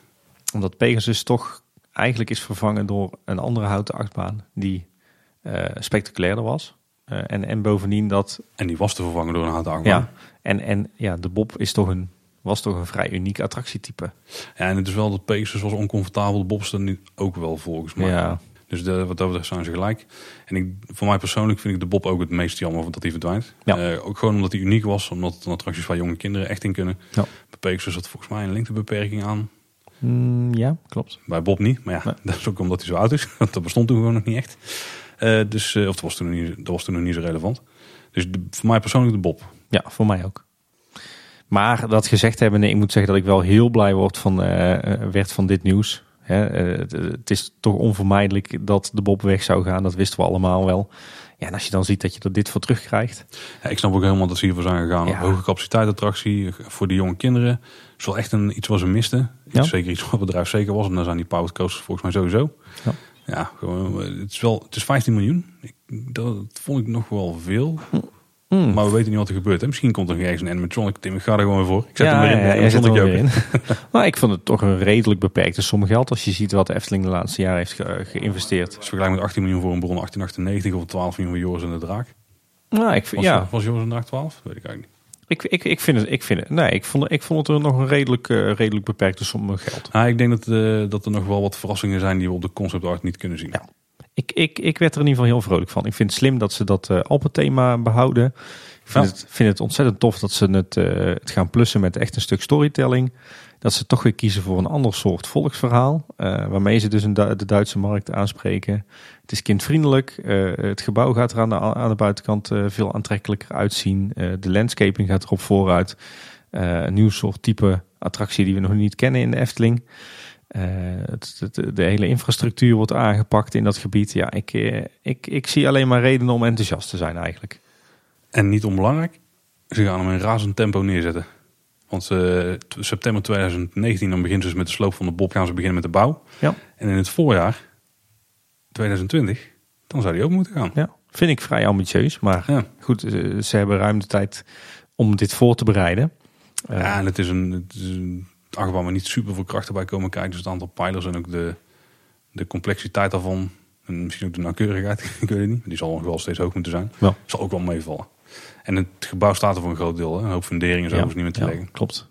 Maar toch, het, eh, ambitieus. Ja, Ik heb er zin in, eh, Paul. ik ook. Maar eerst nog een paar ritjes met de Bob. Ja, nu kan het nog. Dus dat gaan we sowieso doen de komende tijd. Genoeg over Max en Moritz. Ja, want we zeiden het net al. eh, Misschien wel de aanleiding dat dit nieuws nu al bekend is gemaakt. Want ja, de bouw begint dus pas over bijna een jaar. is dat Strookrijk, een attractie die we eerst attractie 2020 noemden. Dat er nu attractie 2021 is geworden. Ja, inderdaad, ja. Want dat stond een beetje in een voetnoot van het persbericht over Max en Moritz. Maar dat was voor, voor ons, of voor mij in ieder geval, was dat misschien nog wel het belangrijkste nieuws. ja. ja eh, nou ja, nou, dat weet ik niet. Ik moet zeggen, nu hebben we in 2020 ook iets om te Ja, dat is ook weer zo, ja. ja. Maar Maar dat- eh, misschien even samenvattend. Dus er, in dat persbericht eh, werd, eh, werd gezegd dat eh, de opening van de uitbreiding van het reisrijk en daarin dus eh, een eh, grote nieuwe attractie, die is eh, uitgesteld van 2020 naar 2021. Nou is het overigens dus wel, ze praten over een uitstel in jaren. Maar Mhm. we weten niet of dat een jaar wordt uitgesteld. Misschien dat, ik denk dat met de huidige planning dat voorjaar 2020 een attractie openen best wel ambitieus was. Dus Ja, dat klopt. het al een beetje najaar was geweest anders. Mhm. Dus misschien is het maar uiteindelijk een maand of acht verschoven. Ja, Zou kunnen. zou kunnen. En dus hebben nu in ieder geval een stuk meer tijd om het eh, op het gemak en grondig aan te pakken. Zeg maar. Dus hoeven ze zich niet te gaan haasten. Ik denk Ja. dat daar het grote verschil is. Ja, dat denk ik ook. Het verraste mij toch wel als je ziet hoe dat de Efteling er gebrand op was dat die hele bestemmingsplanprocedure doorging. En ik had toch echt het idee dat ze echt attractie 2020 ook echt in 2020 open wilden hebben. Dat ze er echt alles aan deden om dat eh, ja, eh, gereed te krijgen. Ook als je zag hoe dat, eh, hoe dat de verlegging van de Horst werd aangepakt. Hè. Maar nu uiteindelijk dus toch niet. Ja, op zich wel goed dat ze nu meer tijd nemen voor, voor de uitwerking van die plannen. Nu er toch andere plannen zijn voor 2020. Ik, Ja. Daardoor heb ik, krijg ik toch wel sterk het gevoel dat, dat Max en Moritz dat het echt een soort van plan B was. hoor. Wat nu toch in werking is getreden. Ja, ik weet het niet. Ik denk dat het wel altijd het plan was om die te bouwen. Eh, Ja, maar dan dat- later. ja. Ja, dat bedoel ik. Hè? Dus dat het een soort plan B was in de zin van... joh, als we nou er met een strookrijk niet uitkomen... door al die perikelen met het bestemmingsplan... dan doen we gewoon eerst eh, eh, de bob vervangen door een ander soort achtbaan. Ja, dus onze theorie dat het gelijk met pannendroom ging gebeuren, klopt dat dan niet. Nee, inderdaad. Maakt niet uit, we zijn hier heel blij mee. Overigens kregen we de tip van iemand dat in de metadata van de, de impressie eh, van Max en Moritz... dat, eh, dat die in, op 25 mei 2018 al gemaakt zou zijn. Ja, dat die was klaargezet inderdaad. Ja, dus dat impliceert toch al wel, denk ik, dat dit eh, Plannetje ligt er al een ja, tijdje. al een tijdje ligt. Dus Het is geen uh, haastklus Nee, in ieder geval. nee. Daar maakt de mensen genoeg druk over. Nou, als we dan even kijken naar die aankondiging van eh, het verschuiven naar het attractie 2021, dan stond er toch nog een interessant nieuwtje in. twee zelfs, vond ik. Eh, ja, nou ja, voor ons waren het misschien niet echt nieuwtje trouwens. Ja, in ieder geval, er stond letterlijk in, naast een grote attractie komen er ook een paar kleinere attracties. ja. het is eindelijk invalspal, wat Ja. we al hoopten. Nou ja, en wat we ook al een beetje dachten aan de hand van die tekening die Ja. we hadden gevonden. Want Ja. of het er nou wel of niet is, eh, daaruit bleek dus wel dat die denkrichting er in ieder geval is. Ja, daarin eh, Of zag je duidelijk een ja. aantal eh, cirkelvormige objecten, om het zo maar te zeggen. En het andere puntje was dat dus het Efteling Hotel ook een aantal aanpassingen krijgt. Dan weet ik niet of dat die eh, aan het exterieur zijn. Maar ja, ook in diezelfde tekening zag je dat ze eigenlijk het hele parkeerplaatsgebied gewoon willen gaan inrichten als park. Ja. Dus misschien zijn dat die aanpassingen waar ze het over hebben. Dat de parkeerplaats dus ergens anders komt. Ik denk het wel. Ik denk het wel. Ik denk dat wij nog steeds met onze voorspelling in, wat was het, aflevering 39 of zo? Geen idee. dat we een heel aardig eind in de richting zitten. Ik ben wel benieuwd of het, eh, of het alleen inderdaad die infrastructuur rond het Efteling Hotel is. Of dat we ook echt daadwerkelijk eh, binnen het hotel eh, gemoderniseerd gaat worden. Nou, ik vond het interessant hiervan eigenlijk dat een beetje die tekening dus wel werd bevestigd. Misschien niet exact hoe die eruit ziet, maar wel gewoon dus het gedachtegoed erachter. Ja. Dus dat is wel tof om te zien. Het, eh, wat, zou, wat zou je daarvan vinden als er even ervan uitgaande dat eh, attractie 2021 ook daadwerkelijk zo'n circus thema krijgt. Dat het hotel daarin eh, opnieuw wordt gethematiseerd, maar dan in dat eh circus thema. Kan ik me niet voorstellen dat dat gaat gebeuren. ik Nee, ik, ja. Een circushotel? Ik heb wel eens een circus, circus gezeten in Las Vegas, maar dat was toch ook niet... Dat was er ook zo weinig van te merken van binnen. Ik, ik, ik ga me even laten, laten bezinken, die gedachte. Nee, ik ga ervan uit dat dat niet gaat gebeuren. Oké. Nee, dat zou ook wel een te flinke investering zijn, denk ik. En Ja, maar het hotel, het, he- het hotel heeft tegen die tijd toch wel echt een make-over nodig, Paul. In ieder geval qua Ja. interieur. Het is Ja, wel een dat wel. beetje, beetje afstands allemaal. van buitenkant vind ik op zich wel oké. Maar ik begrijp dat de binnenkant er wel een, een likje verf kan gebruiken Ja. om het zwak uit te drukken. Ja, Nee, kijk, ik weet niet wat het is. Ik denk dat dadelijk de, de die circus tent komt waarschijnlijk. Dat die best wel een eind vanaf het hotel staat. En dat er ook best wel wat groen tussen zit. ja. Dus ik denk dat die echt geen, eh, ah, geen eh, visuele link hoeft te hebben. Nee.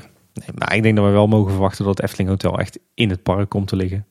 En dat ja, is de- nou ja, nee, dat denk ik niet. Nee? Maar, ja, ligt aan wat je bedoelt. Ik denk dat die heel strak tegen het park aankomt te liggen. ja, dat bedoel ik. Een beetje zoals het Disneyland Hotel half in Ja, je moet dan wel. Ja, Parijs ligt. maar je gaat wel altijd een stukje buiten het hotel om om in het park te komen. Ja, ja, klopt. Ik denk dat het daar inderdaad gaat horen.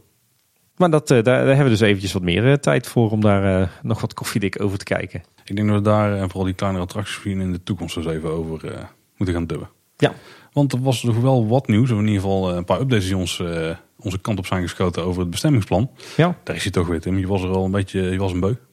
ja ik, ik moet zeggen, nu we het er de vorige keer niet zo heel lang over hebben gehad, komt, komt die interesse toch weer terug. Nou, laten we dat nu dan ook niet doen. In ieder geval niet te lang. Ehm, nou, we weten inmiddels dus dat het plan is uitgesteld. Dus een aantal van de zaken die we hier nu gaan melden, die zijn, voor, die zijn van voor het nieuws. Ja. Ehm, maar even de tijdlijnen, Tim. Het is zo dat luisteraar eh Amsterik, die ook erg in de materie zit, die wees ons erop dat het, eh, het besluit over eh, de vaststelling van het gewijzigde bestemmingsplan, dat die nog niet ter inzage was gelegd. Hè, dat hebben we toen gezegd van joh, het bestemmingsplan is vastgesteld. Eh, en dan heeft, eh, hebben belanghebbenden nog zes weken de tijd om eh, bezwaar te maken bij de Raad van State. Alleen dat besluit is helemaal nog niet ter inzage gelegd. Oh. En dat is natuurlijk wel een vreemde. Daar wees uh, Amstrik ons even op. Ik heb ook ergens gelezen dat het mogelijk was omdat er nog aanpassingen op het laatste moment waren gedaan, zeg maar. Dus dat het definitieve complete plan nog niet beschikbaar was voor mensen om te, om te checken. Ja, nou, ik heb inderdaad wat, wat ik op teampark.nl las, daar, daar is, eh, wees iemand eh, ons erop, of althans de, de lezers, de volgers, dat eh, in het geval dat een bestemmingsplan gewijzigd wordt vastgesteld door een gemeenteraad, wat dus is het geval is bij Mhm. het bestemmingsplan van de wereld van de Efteling, eh, dat er dan eerst zes weken gewacht moet worden met publicatie. En dat verklaart dit natuurlijk. Hè, dus dan gaat het eh, eh, in ieder geval nog eh, nog zes plus zes weken duren voordat we weten of het, uh, het bestemmingsplan Wereld van de Efteling 2030 echt uh, definitief is vastgesteld zonder Mhm. bezwaar. Uh, en vanaf dat moment kunnen we dus ook pas eventuele bouwtekeningen en vergunningsaanvragen mogen verwachten voor attractie 2020. Maar goed, wetende dat die wordt vooruitgeschoven naar 2021, verwacht ik die niet over 12 weken hoor. Ik heb wel van een, laten we het een vogeltje noemen, gehoord dat het eind dit jaar wel echt moet gaan gebeuren. Oké. Okay.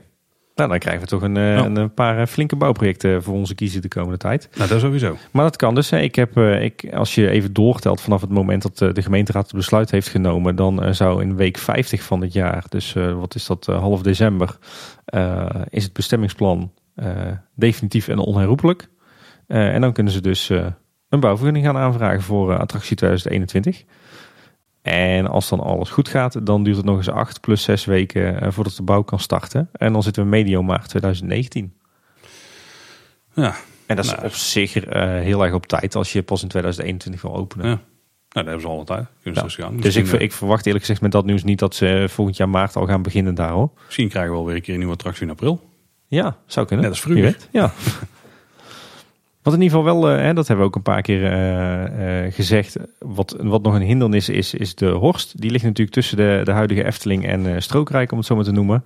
Ehm, daar is wat gesleuteld aan de planning van het verleggen daarvan. En daar is nu de status van dat die pas in augustus 2019 buiten gebruik kan worden gesteld en kan worden gesloopt. waarna de Efteling dus Strookrijk bij het park kan trekken. En het viel mij op uh, anderhalve week geleden dat uh, de werkzaamheden in het kader van die verlegging van de Horst weer zijn, uh, weer zijn begonnen. Bodak is weer volop bezig met het detecteren van niet gesprongen explosieven uit de Tweede Mhm. Wereldoorlog. Ook op Efteling terrein overigens. er zijn volop werkzaamheden te zien nu in de voortuin van het hotel. dus ook zeg maar die rotonde, mini-rotonde voor de ingang van het hotel, die is half afgesloten en die is helemaal afgegraven je ziet eigenlijk dat, dat het hele tracé waar straks de nieuwe Horst gaat lopen, dat is al helemaal afgehekt. En, en er is alle verharding uit, daar is al het groen uit, dus die kun je al zo zien liggen. Mm -hmm. En ook de, de linnenkamer, dat uh, gebouwtje zeg maar uh, een beetje tussen het hotel en de Horst in, een beetje in de back of the house, uh, die wordt momenteel gesloopt. Die stond ook in de weg voor de aansluiting van de nieuwe Horst. Nou. Dus de Efteling heeft haar zaakjes al, al heel goed op orde als het gaat om de voorbereidingen op de verlegging van de Horst. Nu de rest nog. Ik zag wel uh, laatst een vergunningsaanvraag voor de tunnel onder de Europalaan. Dus uh, het lijkt dat hier al schot in zit. Dat is mooi. Ja, ze zouden ook dit uh, volgens mij gaan kappen, midden oktober. Midden oktober zouden we zouden gekapt gaan worden, ja. Dus ik denk dat we de komende tijd heel veel gaan zien van, uh, van de, de aanleg van de Nieuwe Horst. Zullen jullie af en toe van op de hoogte houden? Ja. Uh, was ook wel, ja, hoe moet, hoe moet ik dit noemen? Tof nieuws? Ja, denk ik wel. Interessant nieuws, ja. ja. Uh, de Efteling-akkers die vlakbij het Loonse Land liggen. Dus er zijn akkers op Efteling grond. Ja. Die zijn op authentieke wijze omgeploegd met handploegen en trekpaarden. Ja, want, dat uh, stond dat... in de, in de Duincourier stond daar een leuk artikeltje over, hè? Ja, want daar zou de directie graag hebben gewild, heel ik begrepen. Ja. Ja, wat tof. nou ja, dat is natuurlijk ooit, ooit ook de belofte geweest, hè? Om de, de natuurgebieden rondom het Loonse Land, om die ja, een beetje in ere te herstellen naar de situatie rond de eeuwwisseling. Dus uh, ergens in, eind 1800. Ja, die eeuwwisseling. Ja, die eeuwwisseling inderdaad. Uh, en daar is dit misschien een onderdeel van. Er wordt uh, dit jaar rogge gezaaid als groenbemester. En daarna dan, dan kan er graan of boekwijd worden gezaaid. nagelang de wensen van de Efteling. En ook het zaaien, het eggen en het maaien daarvan. Dat gebeurt op traditionele wijze met trekpaarden. Nou, tof. Ja. Heeft, heeft niet zozeer veel te maken met het bestemmingsplan. Maar wel leuk, denk ik, een leuk weetje over ja, de wereld van Efteling. Daarover gesproken, uh, half augustus stond er nog een ander leuk artikel in het Brabants Dagblad. Ik was toen zelf op vakantie en ik vond eigenlijk vorige week het artikel pas terug. Op de stapel ergens. Uh, er was een interview met een heemkundige hier uit de buurt, Jan van Iersel. En die had een heel onderzoek gedaan naar het Mombersbos. Nou, wat is het Mombersbos? Dat is eigenlijk het bos ten zuiden van de Efteling. Uh, waar nu uh, onder andere Villa Pardoes en het Loonse Land uh, in ligt. En dat strekt zich eigenlijk uit tot, tot de buurtschap Kraanven en Duikse Hoef. Ehm, dat is dus altijd eigendom geweest van de ene Frans Mombers. Een, volgens mij een textielproducent uit, uit de richting van Tilburg. En Natuurmonumenten die blijkt in de jaren 50 een aanbod van die, van die meneer Mombers om het, het bos aan te kopen te hebben afgewezen. Wat eigenlijk jammer was, want die, die beste meneer Mombers die wilde graag dat zijn, uh, zijn bossen geen uh, lunapark werden, zoals hij zelf zei. Uh, nou ja, daarvoor wilde die medewerker van Natuurmonumenten, die kwam er niet. En uiteindelijk heeft hij in 55 alsnog uh, heel zijn bos aan meneer Van der Heijden verkocht. De, de, burgemeester van Loon op Zand destijds. Um, onder het mom dat daar een wandelpark zou worden aangelegd. Maar ja, uiteindelijk werd daar dus in ieder geval in een deel de Efteling aangelegd. En, en later, een aantal decennia later, dus het Loonse Land alsnog. Nou ja, de Efteling was initieel natuurlijk wel een wandelpark. Echt, hè? Ja. Dus ja. wat dat betreft klopt het nog aardig. Maar op zich wel leuk, was een heel uitgebreid artikel. En daarin bleek ook dat in 1951 en 1953 ook al allerlei stukken bos en een boerderij en arbeiderswoningen waren verkocht aan de Efteling. Uh, voor onder meer de aanleg van de speelweide. En uh, dat was zelfs nog aan de kapelaan Ritra en Pastoor de Klein. dus dat is toch een stukje, ja. leuk stukje uh, achtergrond en geschiedschrijving. Ja. In Bosrijk daar gaat mogelijk ook wel iets gebeuren. Daar waren we piketpaaltjes gespot al een tijd geleden. Die zijn, er zijn of nu meer paaltjes gespot of ze zijn herontdekt. Het is me niet helemaal duidelijk wat precies het geval is. Nee, maar ja, het lijkt er toch wel degelijk op dat er in Bosrijk uh, extra huisjes gaan komen. Ja, want als je ook een beetje kijkt naar uh, de planningen die ze met uh, verblijfsaccommodaties de afgelopen tijd hebben gehad, dan is het om de twee jaar is er steeds iets groots bijgekomen. En omdat nu de attracties een beetje wordt steeds worden verlegd. In 2018 is er geen grote attractie bijgekomen. Het was 2017. Ja. En 2019 komt er eigenlijk ook geen grote attractie bij. Maar ja, daar zou dan wel het jaar zijn waarop weer nieuwe accommodaties zouden moeten komen. Als die, uh, dat patroontje zich wel blijft voortzetten. Misschien dat ze een aantal uh, haasjes gaan bijzetten daar. Ja. Moet uh, even checken. Ik vond het bebouwingspercentage overigens ook best hoog voor Bosrijk. Volgens mij stond, stond er 20%. Mm -hmm. Ik kan me niet voorstellen dat ze dan nu überhaupt bij in de buurt komen. Nee. Dus uh, het ja, lijkt me, ja, het lijkt me een goede, wel meer zetten. Ja, het lijkt me een goede optie om uh, vrij makkelijk inderdaad meer uh, bedden te, te, realiseren. Hè? Over, over andere ver, verblijfsaccommodaties. We hadden het de vorige keer al over gehad dat er uh, camperplaatsen zouden komen. Ja. Nou, ik ben vandaag dus in het park geweest en ik heb geparkeerd. En ik viel me op dat daar een aantal mensen op het pad, wat nu dus eigenlijk richting het vak K loopt. Ja. Dat daar gewoon mensen in een tuinstoeltje in de zon zaten. Bizar. en ik ben een goede twee uur in het park geweest. En toen ik weer naar de auto liep, toen zaten ze er nog steeds. Dus die zaten daar gewoon naast het camper te genieten. En jij zei al van, er komen heel veel mensen die vragen van, kunnen we hier dan een nachtje blijven staan? Ja. En die mensen die uh, bleven er gewoon een dagje staan, denk ik. Of zo. Bizar. ja, dat is wel apart. Maar. Even kijken, ja, en, en, ook goed nieuws voor het bestemmingsplan en vooral de toekomst van de Efteling op korte termijn. Uh, de loopings, loopings melden nog dat Stichting Natuur en Leefomgeving Kaatsheuvel niet naar de Raad van State gaat stappen. Uh, er zijn inderdaad genoeg mogelijkheden om dat wel te doen, om een procedure aan te spannen. Maar dat wordt heel tijdrovend en heel kostbaar. En de kans dat er echt iets uh, gaat veranderen, die blijft klein. Dus ze hebben daarvan afgezien. Oh. Maar er zijn natuurlijk altijd nog mensen die iets kunnen gaan doen. Maar ja, mij waren de meeste wel verenigd onder die stichting, toch? Ja, klopt. Nou, die stichting die, die roerde op het laatst wel het meest centrum. Uh, dus op zich heel goed om te weten dat die geen stappen gaan zetten. Want die leken ook wel behoorlijk wat, uh, wat slagkracht te hebben met die, die advocaat die ze in de arm hadden genomen. Maar ja, het zou natuurlijk altijd nog kunnen dat uh, individuele belanghebbenden naar de Raad van State gaan. Hè. Denk ja. bijvoorbeeld aan de mensen uit de buurtschap Bernse Hoef of de minicamping. Daar zit toch ook wat. daar zit toch ook nog steeds wat te knellen. Maar die zitten ook in die stichting volgens mij. Hmm, dat, dat, durf ik zo niet ja, te zeggen. Ik, ik, het is geen garantie dat er nu helemaal niemand aan de Raad van State stapt. Maar het is wel een hele opluchting dat in ieder geval die grote stichting dat niet doet. Ja, en stel gebeurt het wel, dan is met die uitstel naar 2021 is er nog steeds wel uh, ruimte genoeg om het allemaal op tijd klaar te krijgen. Denken we, ja. hopen we. Ja, dan ligt er even, en dan volgt er een procedure van ruim een jaar. En, dat is, en dan is vervolgens weer even de vraag... Nou, wat dan weer, jaar, toch? Ja, ja, klopt. Maximaal een jaar en zes weken. En anders even de vraag wat, uh, wat, wat de uitspraak wordt van de Raad van State. Maar laten we horen dat, uh, dat, dat niemand die kant uh, op gaat. Ik verwacht dat er weinig gebeurt eigenlijk. Nou, laten we het hopen.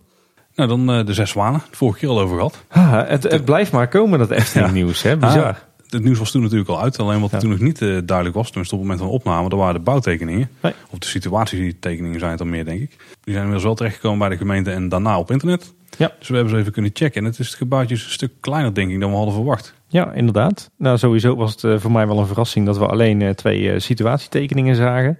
Geen plattegronden, geen doorsneden, geen gevelaanzichten waar ik zo op had gehoopt. Ja, dat komt misschien ook wel omdat het een bouwsel is kleiner dan zoveel vierkante meter. Ja, dat is het denk ik niet. Maar dan nou is... ja, het, het, het, het Amstrik, we hebben hem al eerder genoemd, die heeft nog even uitgezocht. En die vertelde dat het verstrekken van informatie achterwege kan blijven voor zover dit bedrijfs- en fabricatiegevens betreft die door natuurlijke personen of rechtspersonen vertrouwelijk aan de overheid zijn meegedeeld. Kijk. Nou. Dit kan wel worden betwist middels bezwaar en beroep. Oftewel, als uh, ik een bouwvergunning aanvraag en ik zeg dit is vertrouwelijk, dan hoef je die niet te publiceren. Dus vandaar dat de Efteling waarschijnlijk wegkomt met alleen een uh, situatietekening. Maar we kunnen er dingen van aflezen. Ja, nou ja, met name de locatie. Hè, die was natuurlijk uh, nog een vraagteken. Gaan we nou wel of niet over het spoor heen de, de parkeerplaats op? Nou ja, daar is het antwoord heel simpel op. Dat gaan we niet. We blijven binnen de parkgrenzen.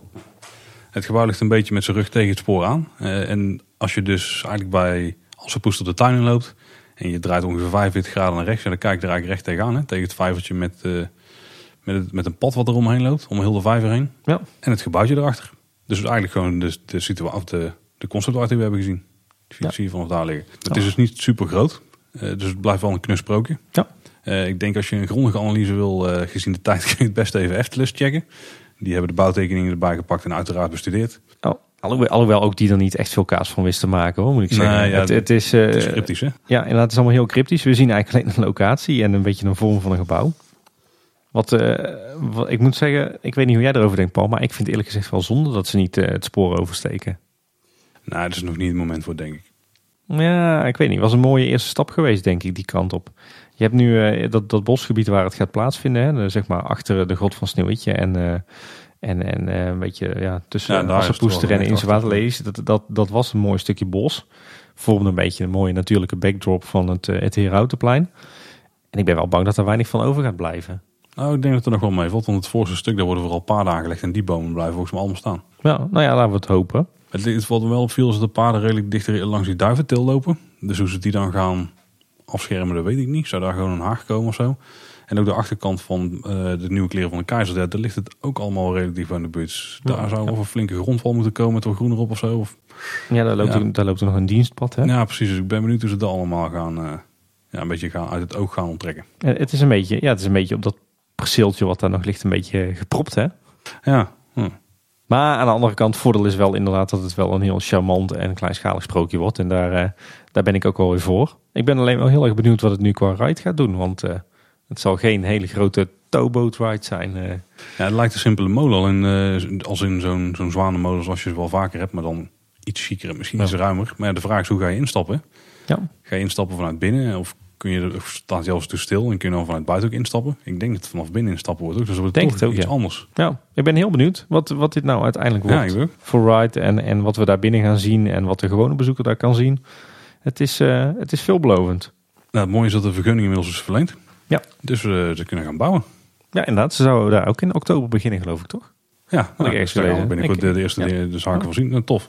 Dat is het eerste wat we gaan volgen, Tim. Ja, precies. Laten we hopen dat we in de tussentijd nog wat tekeningen te zien krijgen. Of wat meer Ja, informatie, ja. waar we wat meer van kunnen maken. Want met- op basis van puur en alleen de, de situatietekening konden we nog weinig... eh, Ja, inderdaad.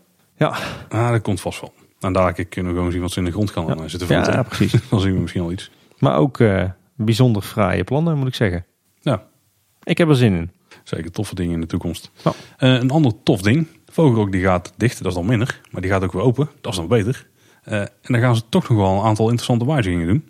Ja, de, de Efteling is echt eh, on fire de laatste tijd. Hè? Ja. Ze pakken zoveel aan en iedere keer wordt er toch weer zoveel geplust qua kwaliteit. Ja, nou kleine dingen, maar die uiteindelijk toch wel veel toevoegen. Ja. Dus eh, bij Fata Morgana is het toch ook weer meer dan we hadden verwacht van tevoren. Absoluut. En ik denk dat dat hier ook het geval gaat zijn. Ehm, nou, ja, het is eigenlijk het eerste grote onderhoud na 20 jaar. Hè. Ze, hebben, ze rijden volgens mij al jaren met twee treinen. Dat is een van de Ja. grootste zaken die ze zullen gaan aanpakken. Dat met drie treinen rijden weer mogelijk is. Ja. Eh, maar ook andere zaken. Ze gaan heel de kap herstellen. Ja. En ze gaan eh, de grote vogel, eh, de vogelrok natuurlijk, die gaan ze helemaal checken die voor de entree staat. Dus dat is, eh, dat is in ieder geval wat er buiten gaat gebeuren. Waar waren ze afgelopen woensdag overigens al mee bezig met de hoogwerker. En Bij eh Rock, of met de... Ja. Oké. Nou, binnen de opstaphal, daar hoopten wij op grote wijzigingen. Op een meer sfeervol station, maar dat gaat niet gebeuren. Er wordt vooral geschilderd en de verlichting en de toegangspoortjes worden vervangen. Hier zal ook wel weer LED komen. Ja. Toegangspoortjes vervangen. Zou er, zou er een nieuw aansturingssysteem komen? Want ze gaan ook wel dingen met de remmen en zo doen. Ja, ik denk meer dat dit gewoon een soort van standaard onderhoud is. Want volgens mij bij alle achtbanen die de laatste 1, 2 jaar groot onderhoud hebben gehad, zijn alle toegangspoortjes vervangen. Dus er zal wel nieuwe techniek zijn. Misschien dat er eh, geen pneumatische poortjes meer komen, maar elektrische poortjes. Nou, ja. Ik denk dat het eh, gewoon iets technisch is. Ze hebben ook altijd vragen, daar hebben ze niks van gemeld. Maar single riders we niet echt kunnen verwachten hier. Nee, is hier ook niet te nodig komen. met die capaciteit. Hè? Ja, zeker dadelijk. Maar daar hebben we het zo nog eventjes over. Ehm en- pre-seater zou dan, dan kunnen, is ook niet nodig. Hè? Ik verwacht hier niet. Ja, er is ook gemeld dat de wielen en de boostermotoren in de lift heel vervangen gaan worden. Ja. Dus ja, dat is gewoon standaard onderhoud denk ik. Zal wel slijten. de treinen die worden volledig uit elkaar gehaald en gerepareerd. na onderhoud dan gaan ze meteen met twee treinen rijden. Dus eigenlijk zoals nu in veel gevallen. Ja. Maar de derde die komt later daar wel weer bij. Ja, inderdaad.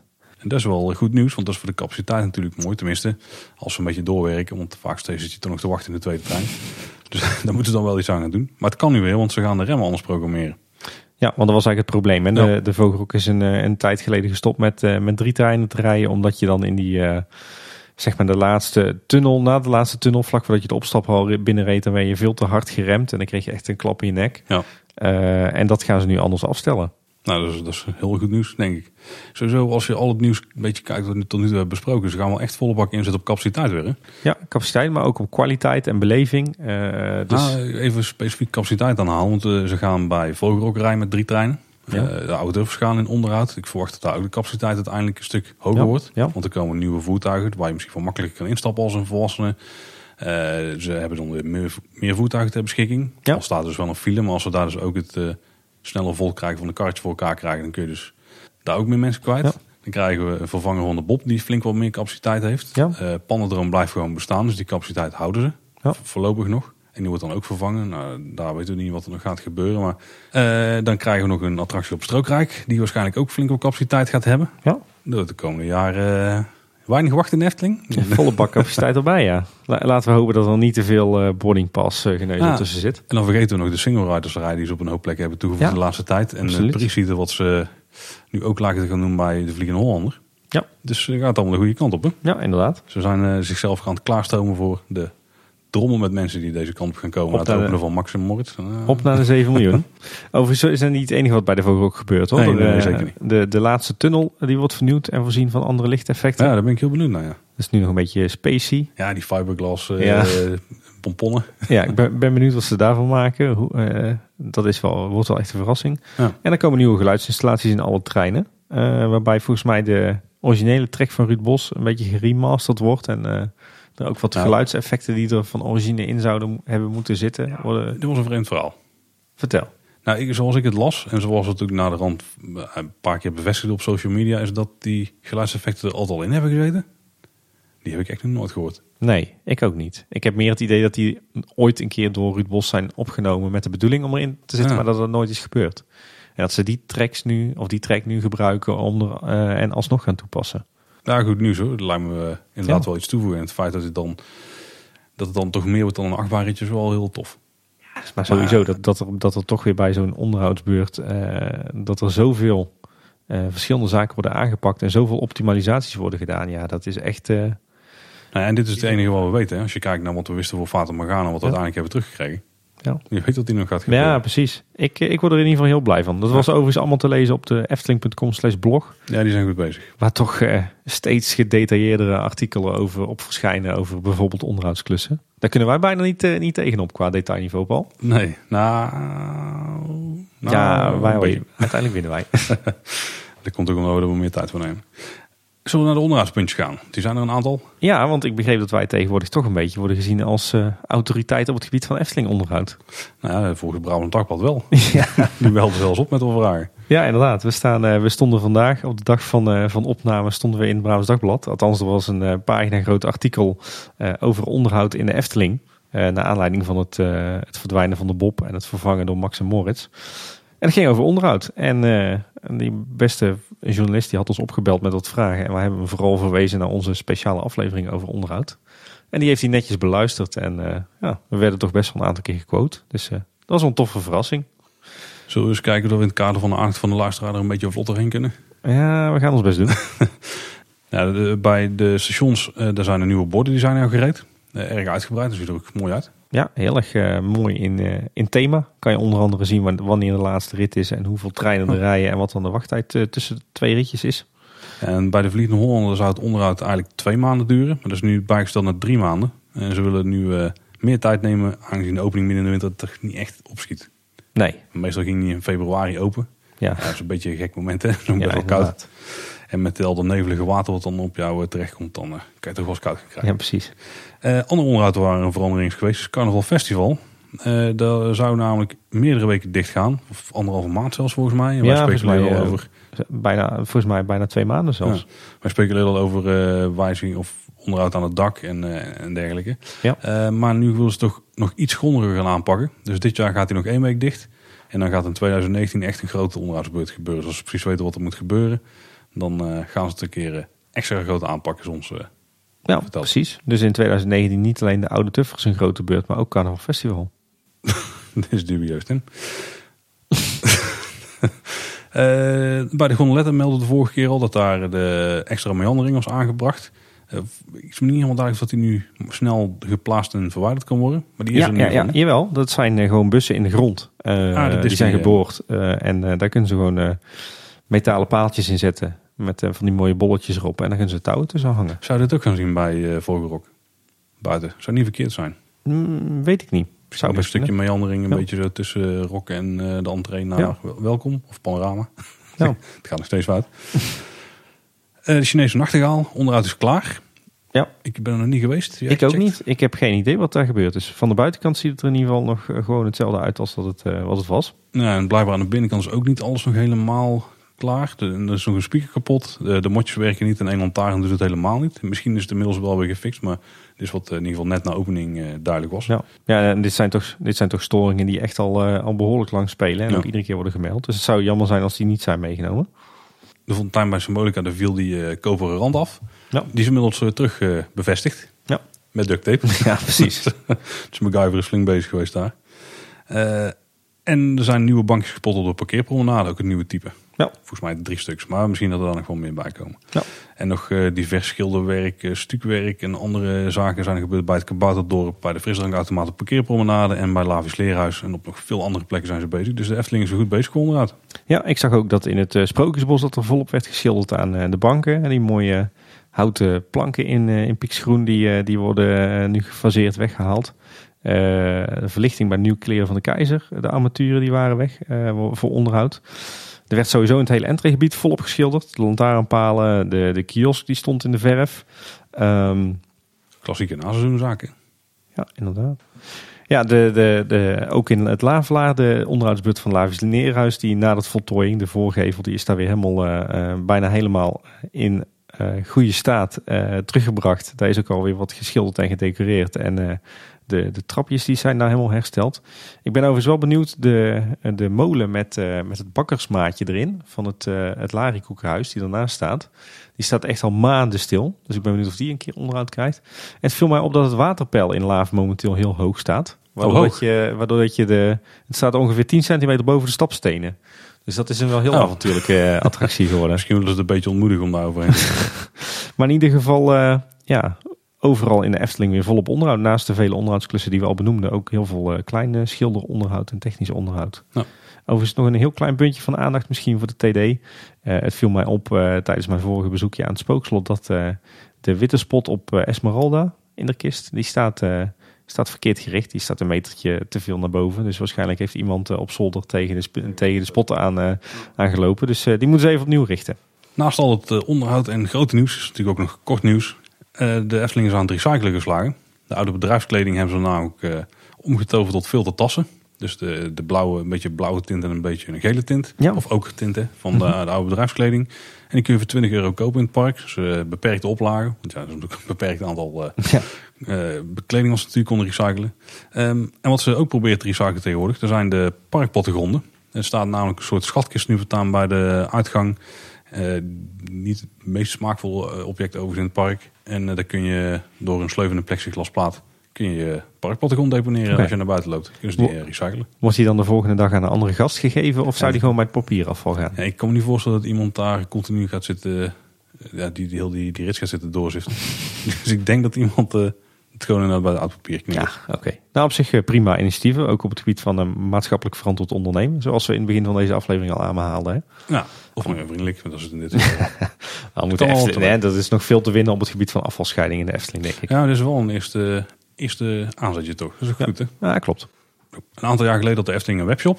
Maar die is Ja. toen verdwenen. Ze willen nu toch weer een poging gaan wagen. Maar in dit geval doen ze het samen met de Weekamp. Ja, Dus binnen Weekamp kun je een, eh, ja, een beperkt aantal van producten, tenminste tot nu toe, nou, kun je daar eh, kopen. Nou, op zich slim. Ja, ik Laat vind het tof. Alles oplossen. Ja, nou ja, ik, ik miste op zich die webshop van de Efteling wel. Nou, maakte wel iemand de, de opmerking van... ja, het is voor jullie wel heel moeilijk om eh, aan Efteling souvenirs te komen. Hè? We wonen op loopafstand. Maar nee, ik miste dat toch wel. Een plek waar je online Efteling souvenirs kon bestellen. En nu is die er weer in de vorm van uh, Weekamp. Nou, goed. En eh, ja, het ziet er, ziet er netjes uit. De website overzichtelijk. En eh, ja, wel, wel een beperkt aanbod, maar wel uit de hele breedte van het souveniraanbod. Dus ik denk een goed, eh, goed begin. Hey, ook een punt wat we misschien in de toekomst wel langer moeten aanhalen, maar nu alvast willen benoemen. In 2019 worden de openingstijden verruimd. In een aantal vakanties blijft het park dan namelijk tot 8 uur open. Ja. Alle weekenden in de herfst, dus nu is is het park dan tot 7 uur open, maar dan is het in 2019 tot 8 uur open. Ja. Eh, de herfstvakantie en de kerstvakantie, ja, dan eh, dus tot 8 uur. Dus tof, nog meer Efteling in het donker, altijd goed. Ja, ja Eh, en, en nog meer spreiding van, van uitloop en, en nog meer. Ja, dat heeft Efteling plezier, hè? Ook uiteraard vol mee te maken. Ja. En in de meivakantie gaan ze een, test doen, waarbij ze een deel van het park tot 8 uur gaan openstellen. Ik ben ook benieuwd hoe dat dan ja, dat werken. vond ik wel interessant, ja. Dus dan gaan ze een deel van het park schoonvegen. En dan gaat iedereen richting Fantasierijk en Ja, dat wordt nu Ander geroepen, Rijk maar misschien. Ik ben benieuwd. Ja, Interessant. Even kijken. Op ze zich eh, gaan- alleen maar goed dat, die, dat, dat de Efteling steeds langer open blijft, denk ik. Ja, dat sowieso. En ook een beetje experimenteren met die eh, bepaalde delen openhouden is niet verkeerd, Ja. denk ik. Nee. Ook als ze ooit een keer eh wel hardticket events gaan doen of zo. Ja, dat, maar ook richting de 7 miljoen bezoekers, richting Ja, steeds meer verblijfsgasten. Ik denk dat die verruiming van openingstijden alleen maar goed is. Nee, heel goed. Eh, de entreeprijs die gaat wel stijgen volgend jaar, maar dat komt vooral door de btw-verhoging. Overigens gaan de abonnementprijzen ook stijgen. Maar daar krijgen we volgens mij in november een eh, melding van hoe dat, hoe dat precies gaat werken. Tenminste, alle abonnementhouders krijgen dan in de mail. Ja, ja want de, de BTW op laag tarief die gaat van 6 naar 9 procent geloof nou, ik. hè? volgens mij, eh, ja. ja. Dus dat geldt ook voor de boodschappen En en de kapper en, eh, en museumbezoek. En, En recreatie valt daar volgens mij ook onder. Of niet altijd Eh, nee, de, de- de meeste recreatie zit, bij, zit onder het hoogtarief. Alleen Ah, de attractieparken die hebben het blijkbaar zo weten te lobbyen dat ze nog onder het laag tarief vallen. Nou, oké, dus daar zijn we al een beetje blij mee met z'n allen. Anders Ja. waren de tickets een stuk duurder. Maar nu worden ze sowieso iets prijziger. Eh, ze gaan naar 40 euro in het laagseizoen en 42 in het hoogseizoen. Dus volgens mij 3 euro erbij. Mm, Dat weten wij niet, hè? Want wij Nee, ja, ik nee, inderdaad. Zat de Efteling, is, is niet, volgens mij is het 2 euro erbij. Volgens mij zat de Efteling in het hoogseizoen nu op 40 euro. Nou, dat zou best kunnen, ja. Maar in ieder geval, eh, de dagen dat de park tot 8 euro is, dan moet je dus het hoogtarief betalen. En Ja. het hoogseizoen eh, uiteraard ook. En online krijg je al 2 euro korting.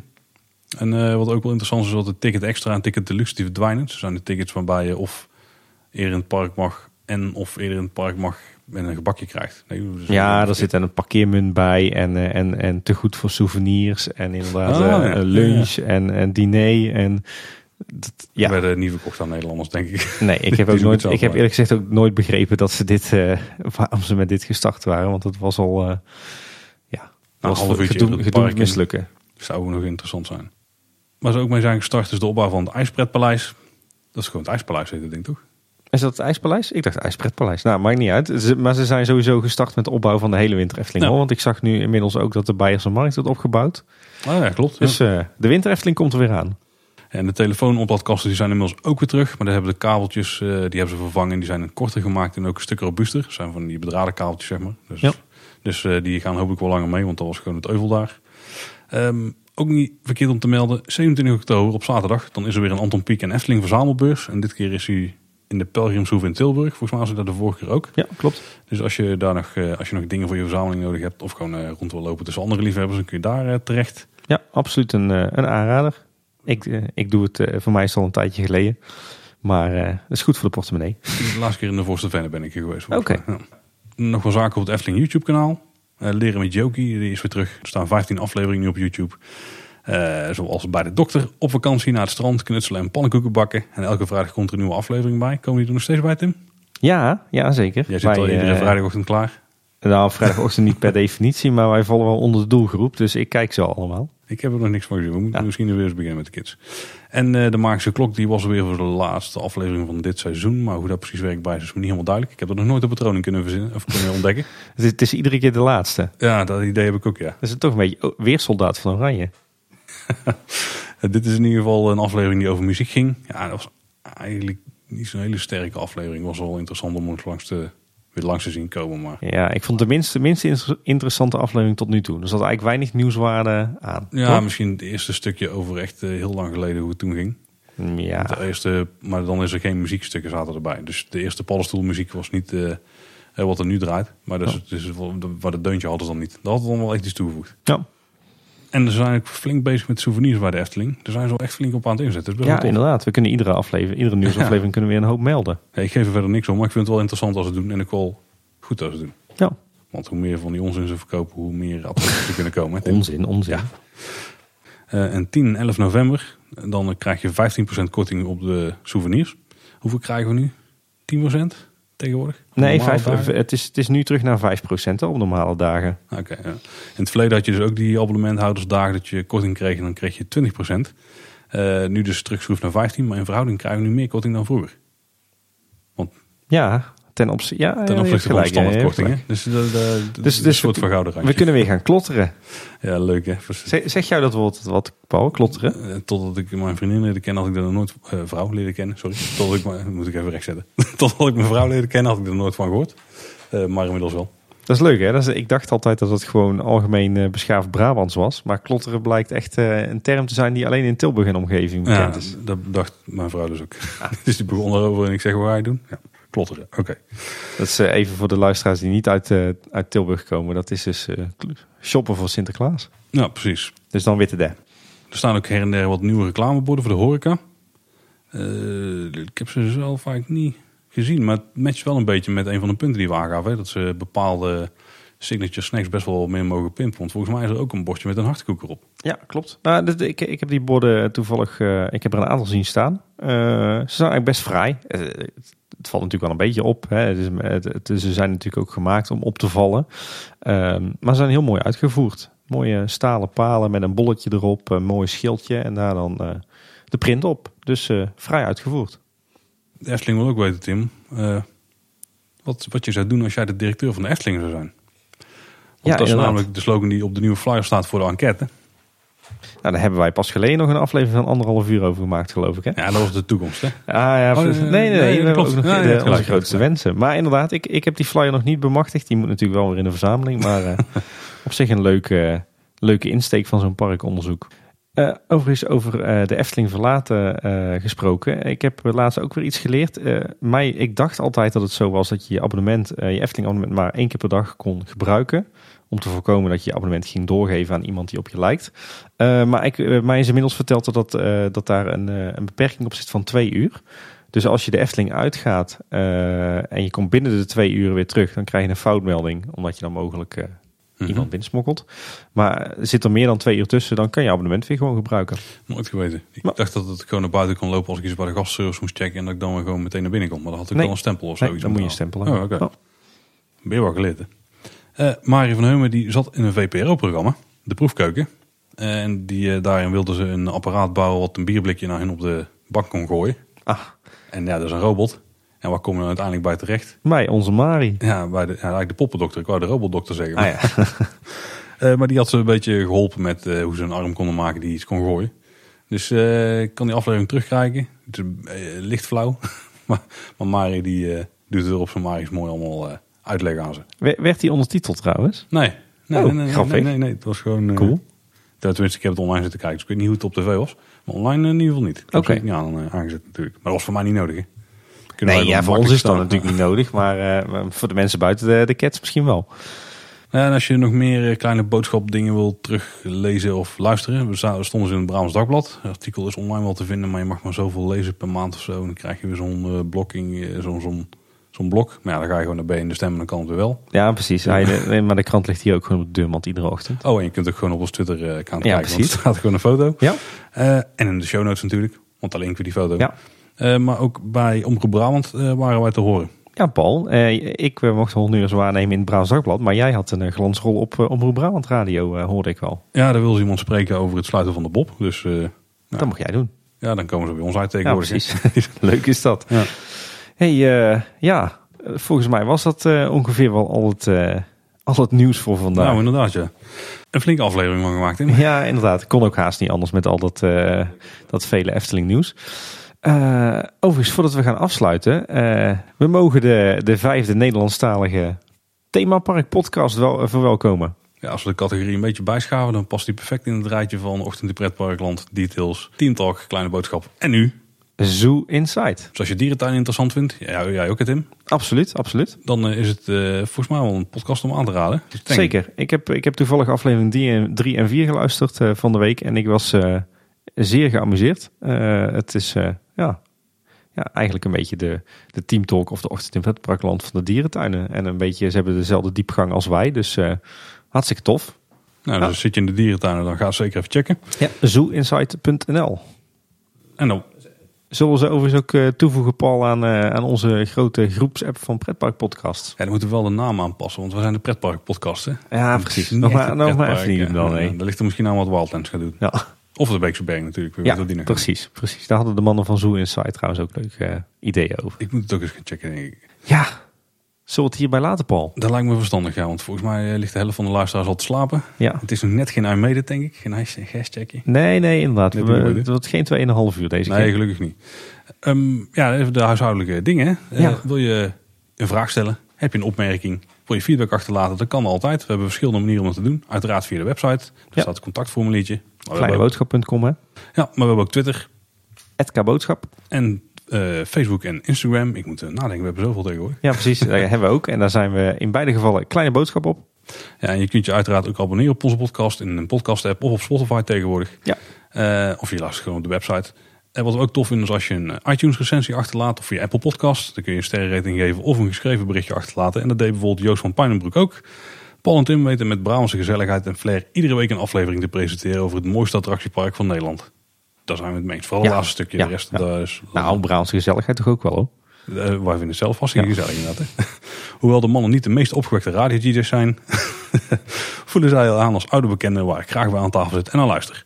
Enige verbeterpunt is dat de informatie niet altijd helemaal accuraat en compleet is. Ik zei het over de fabelvis en vistik en eh, Ja, dat ben ik wel van Eh, bang voor, ja. En dan misschien net een dagje voor achter de feiten aanlopen soms. Maar met de drukke gezinssituaties die ook worden benoemd, is dit begrijpelijk en dus snel vergeven. Ga zo door mannen. Nou Joost, eh, tof om te horen. Dankjewel. Ja, bedankt Eh, voor je review. Ik kan het alleen maar eh, met je eens zijn eigenlijk. En dan gaan we nu echt afscheid van jullie nemen. Ja, dit was het voor deze avond. Yes, dus tot de volgende keer. Ja, houdoe waar. Houdoe.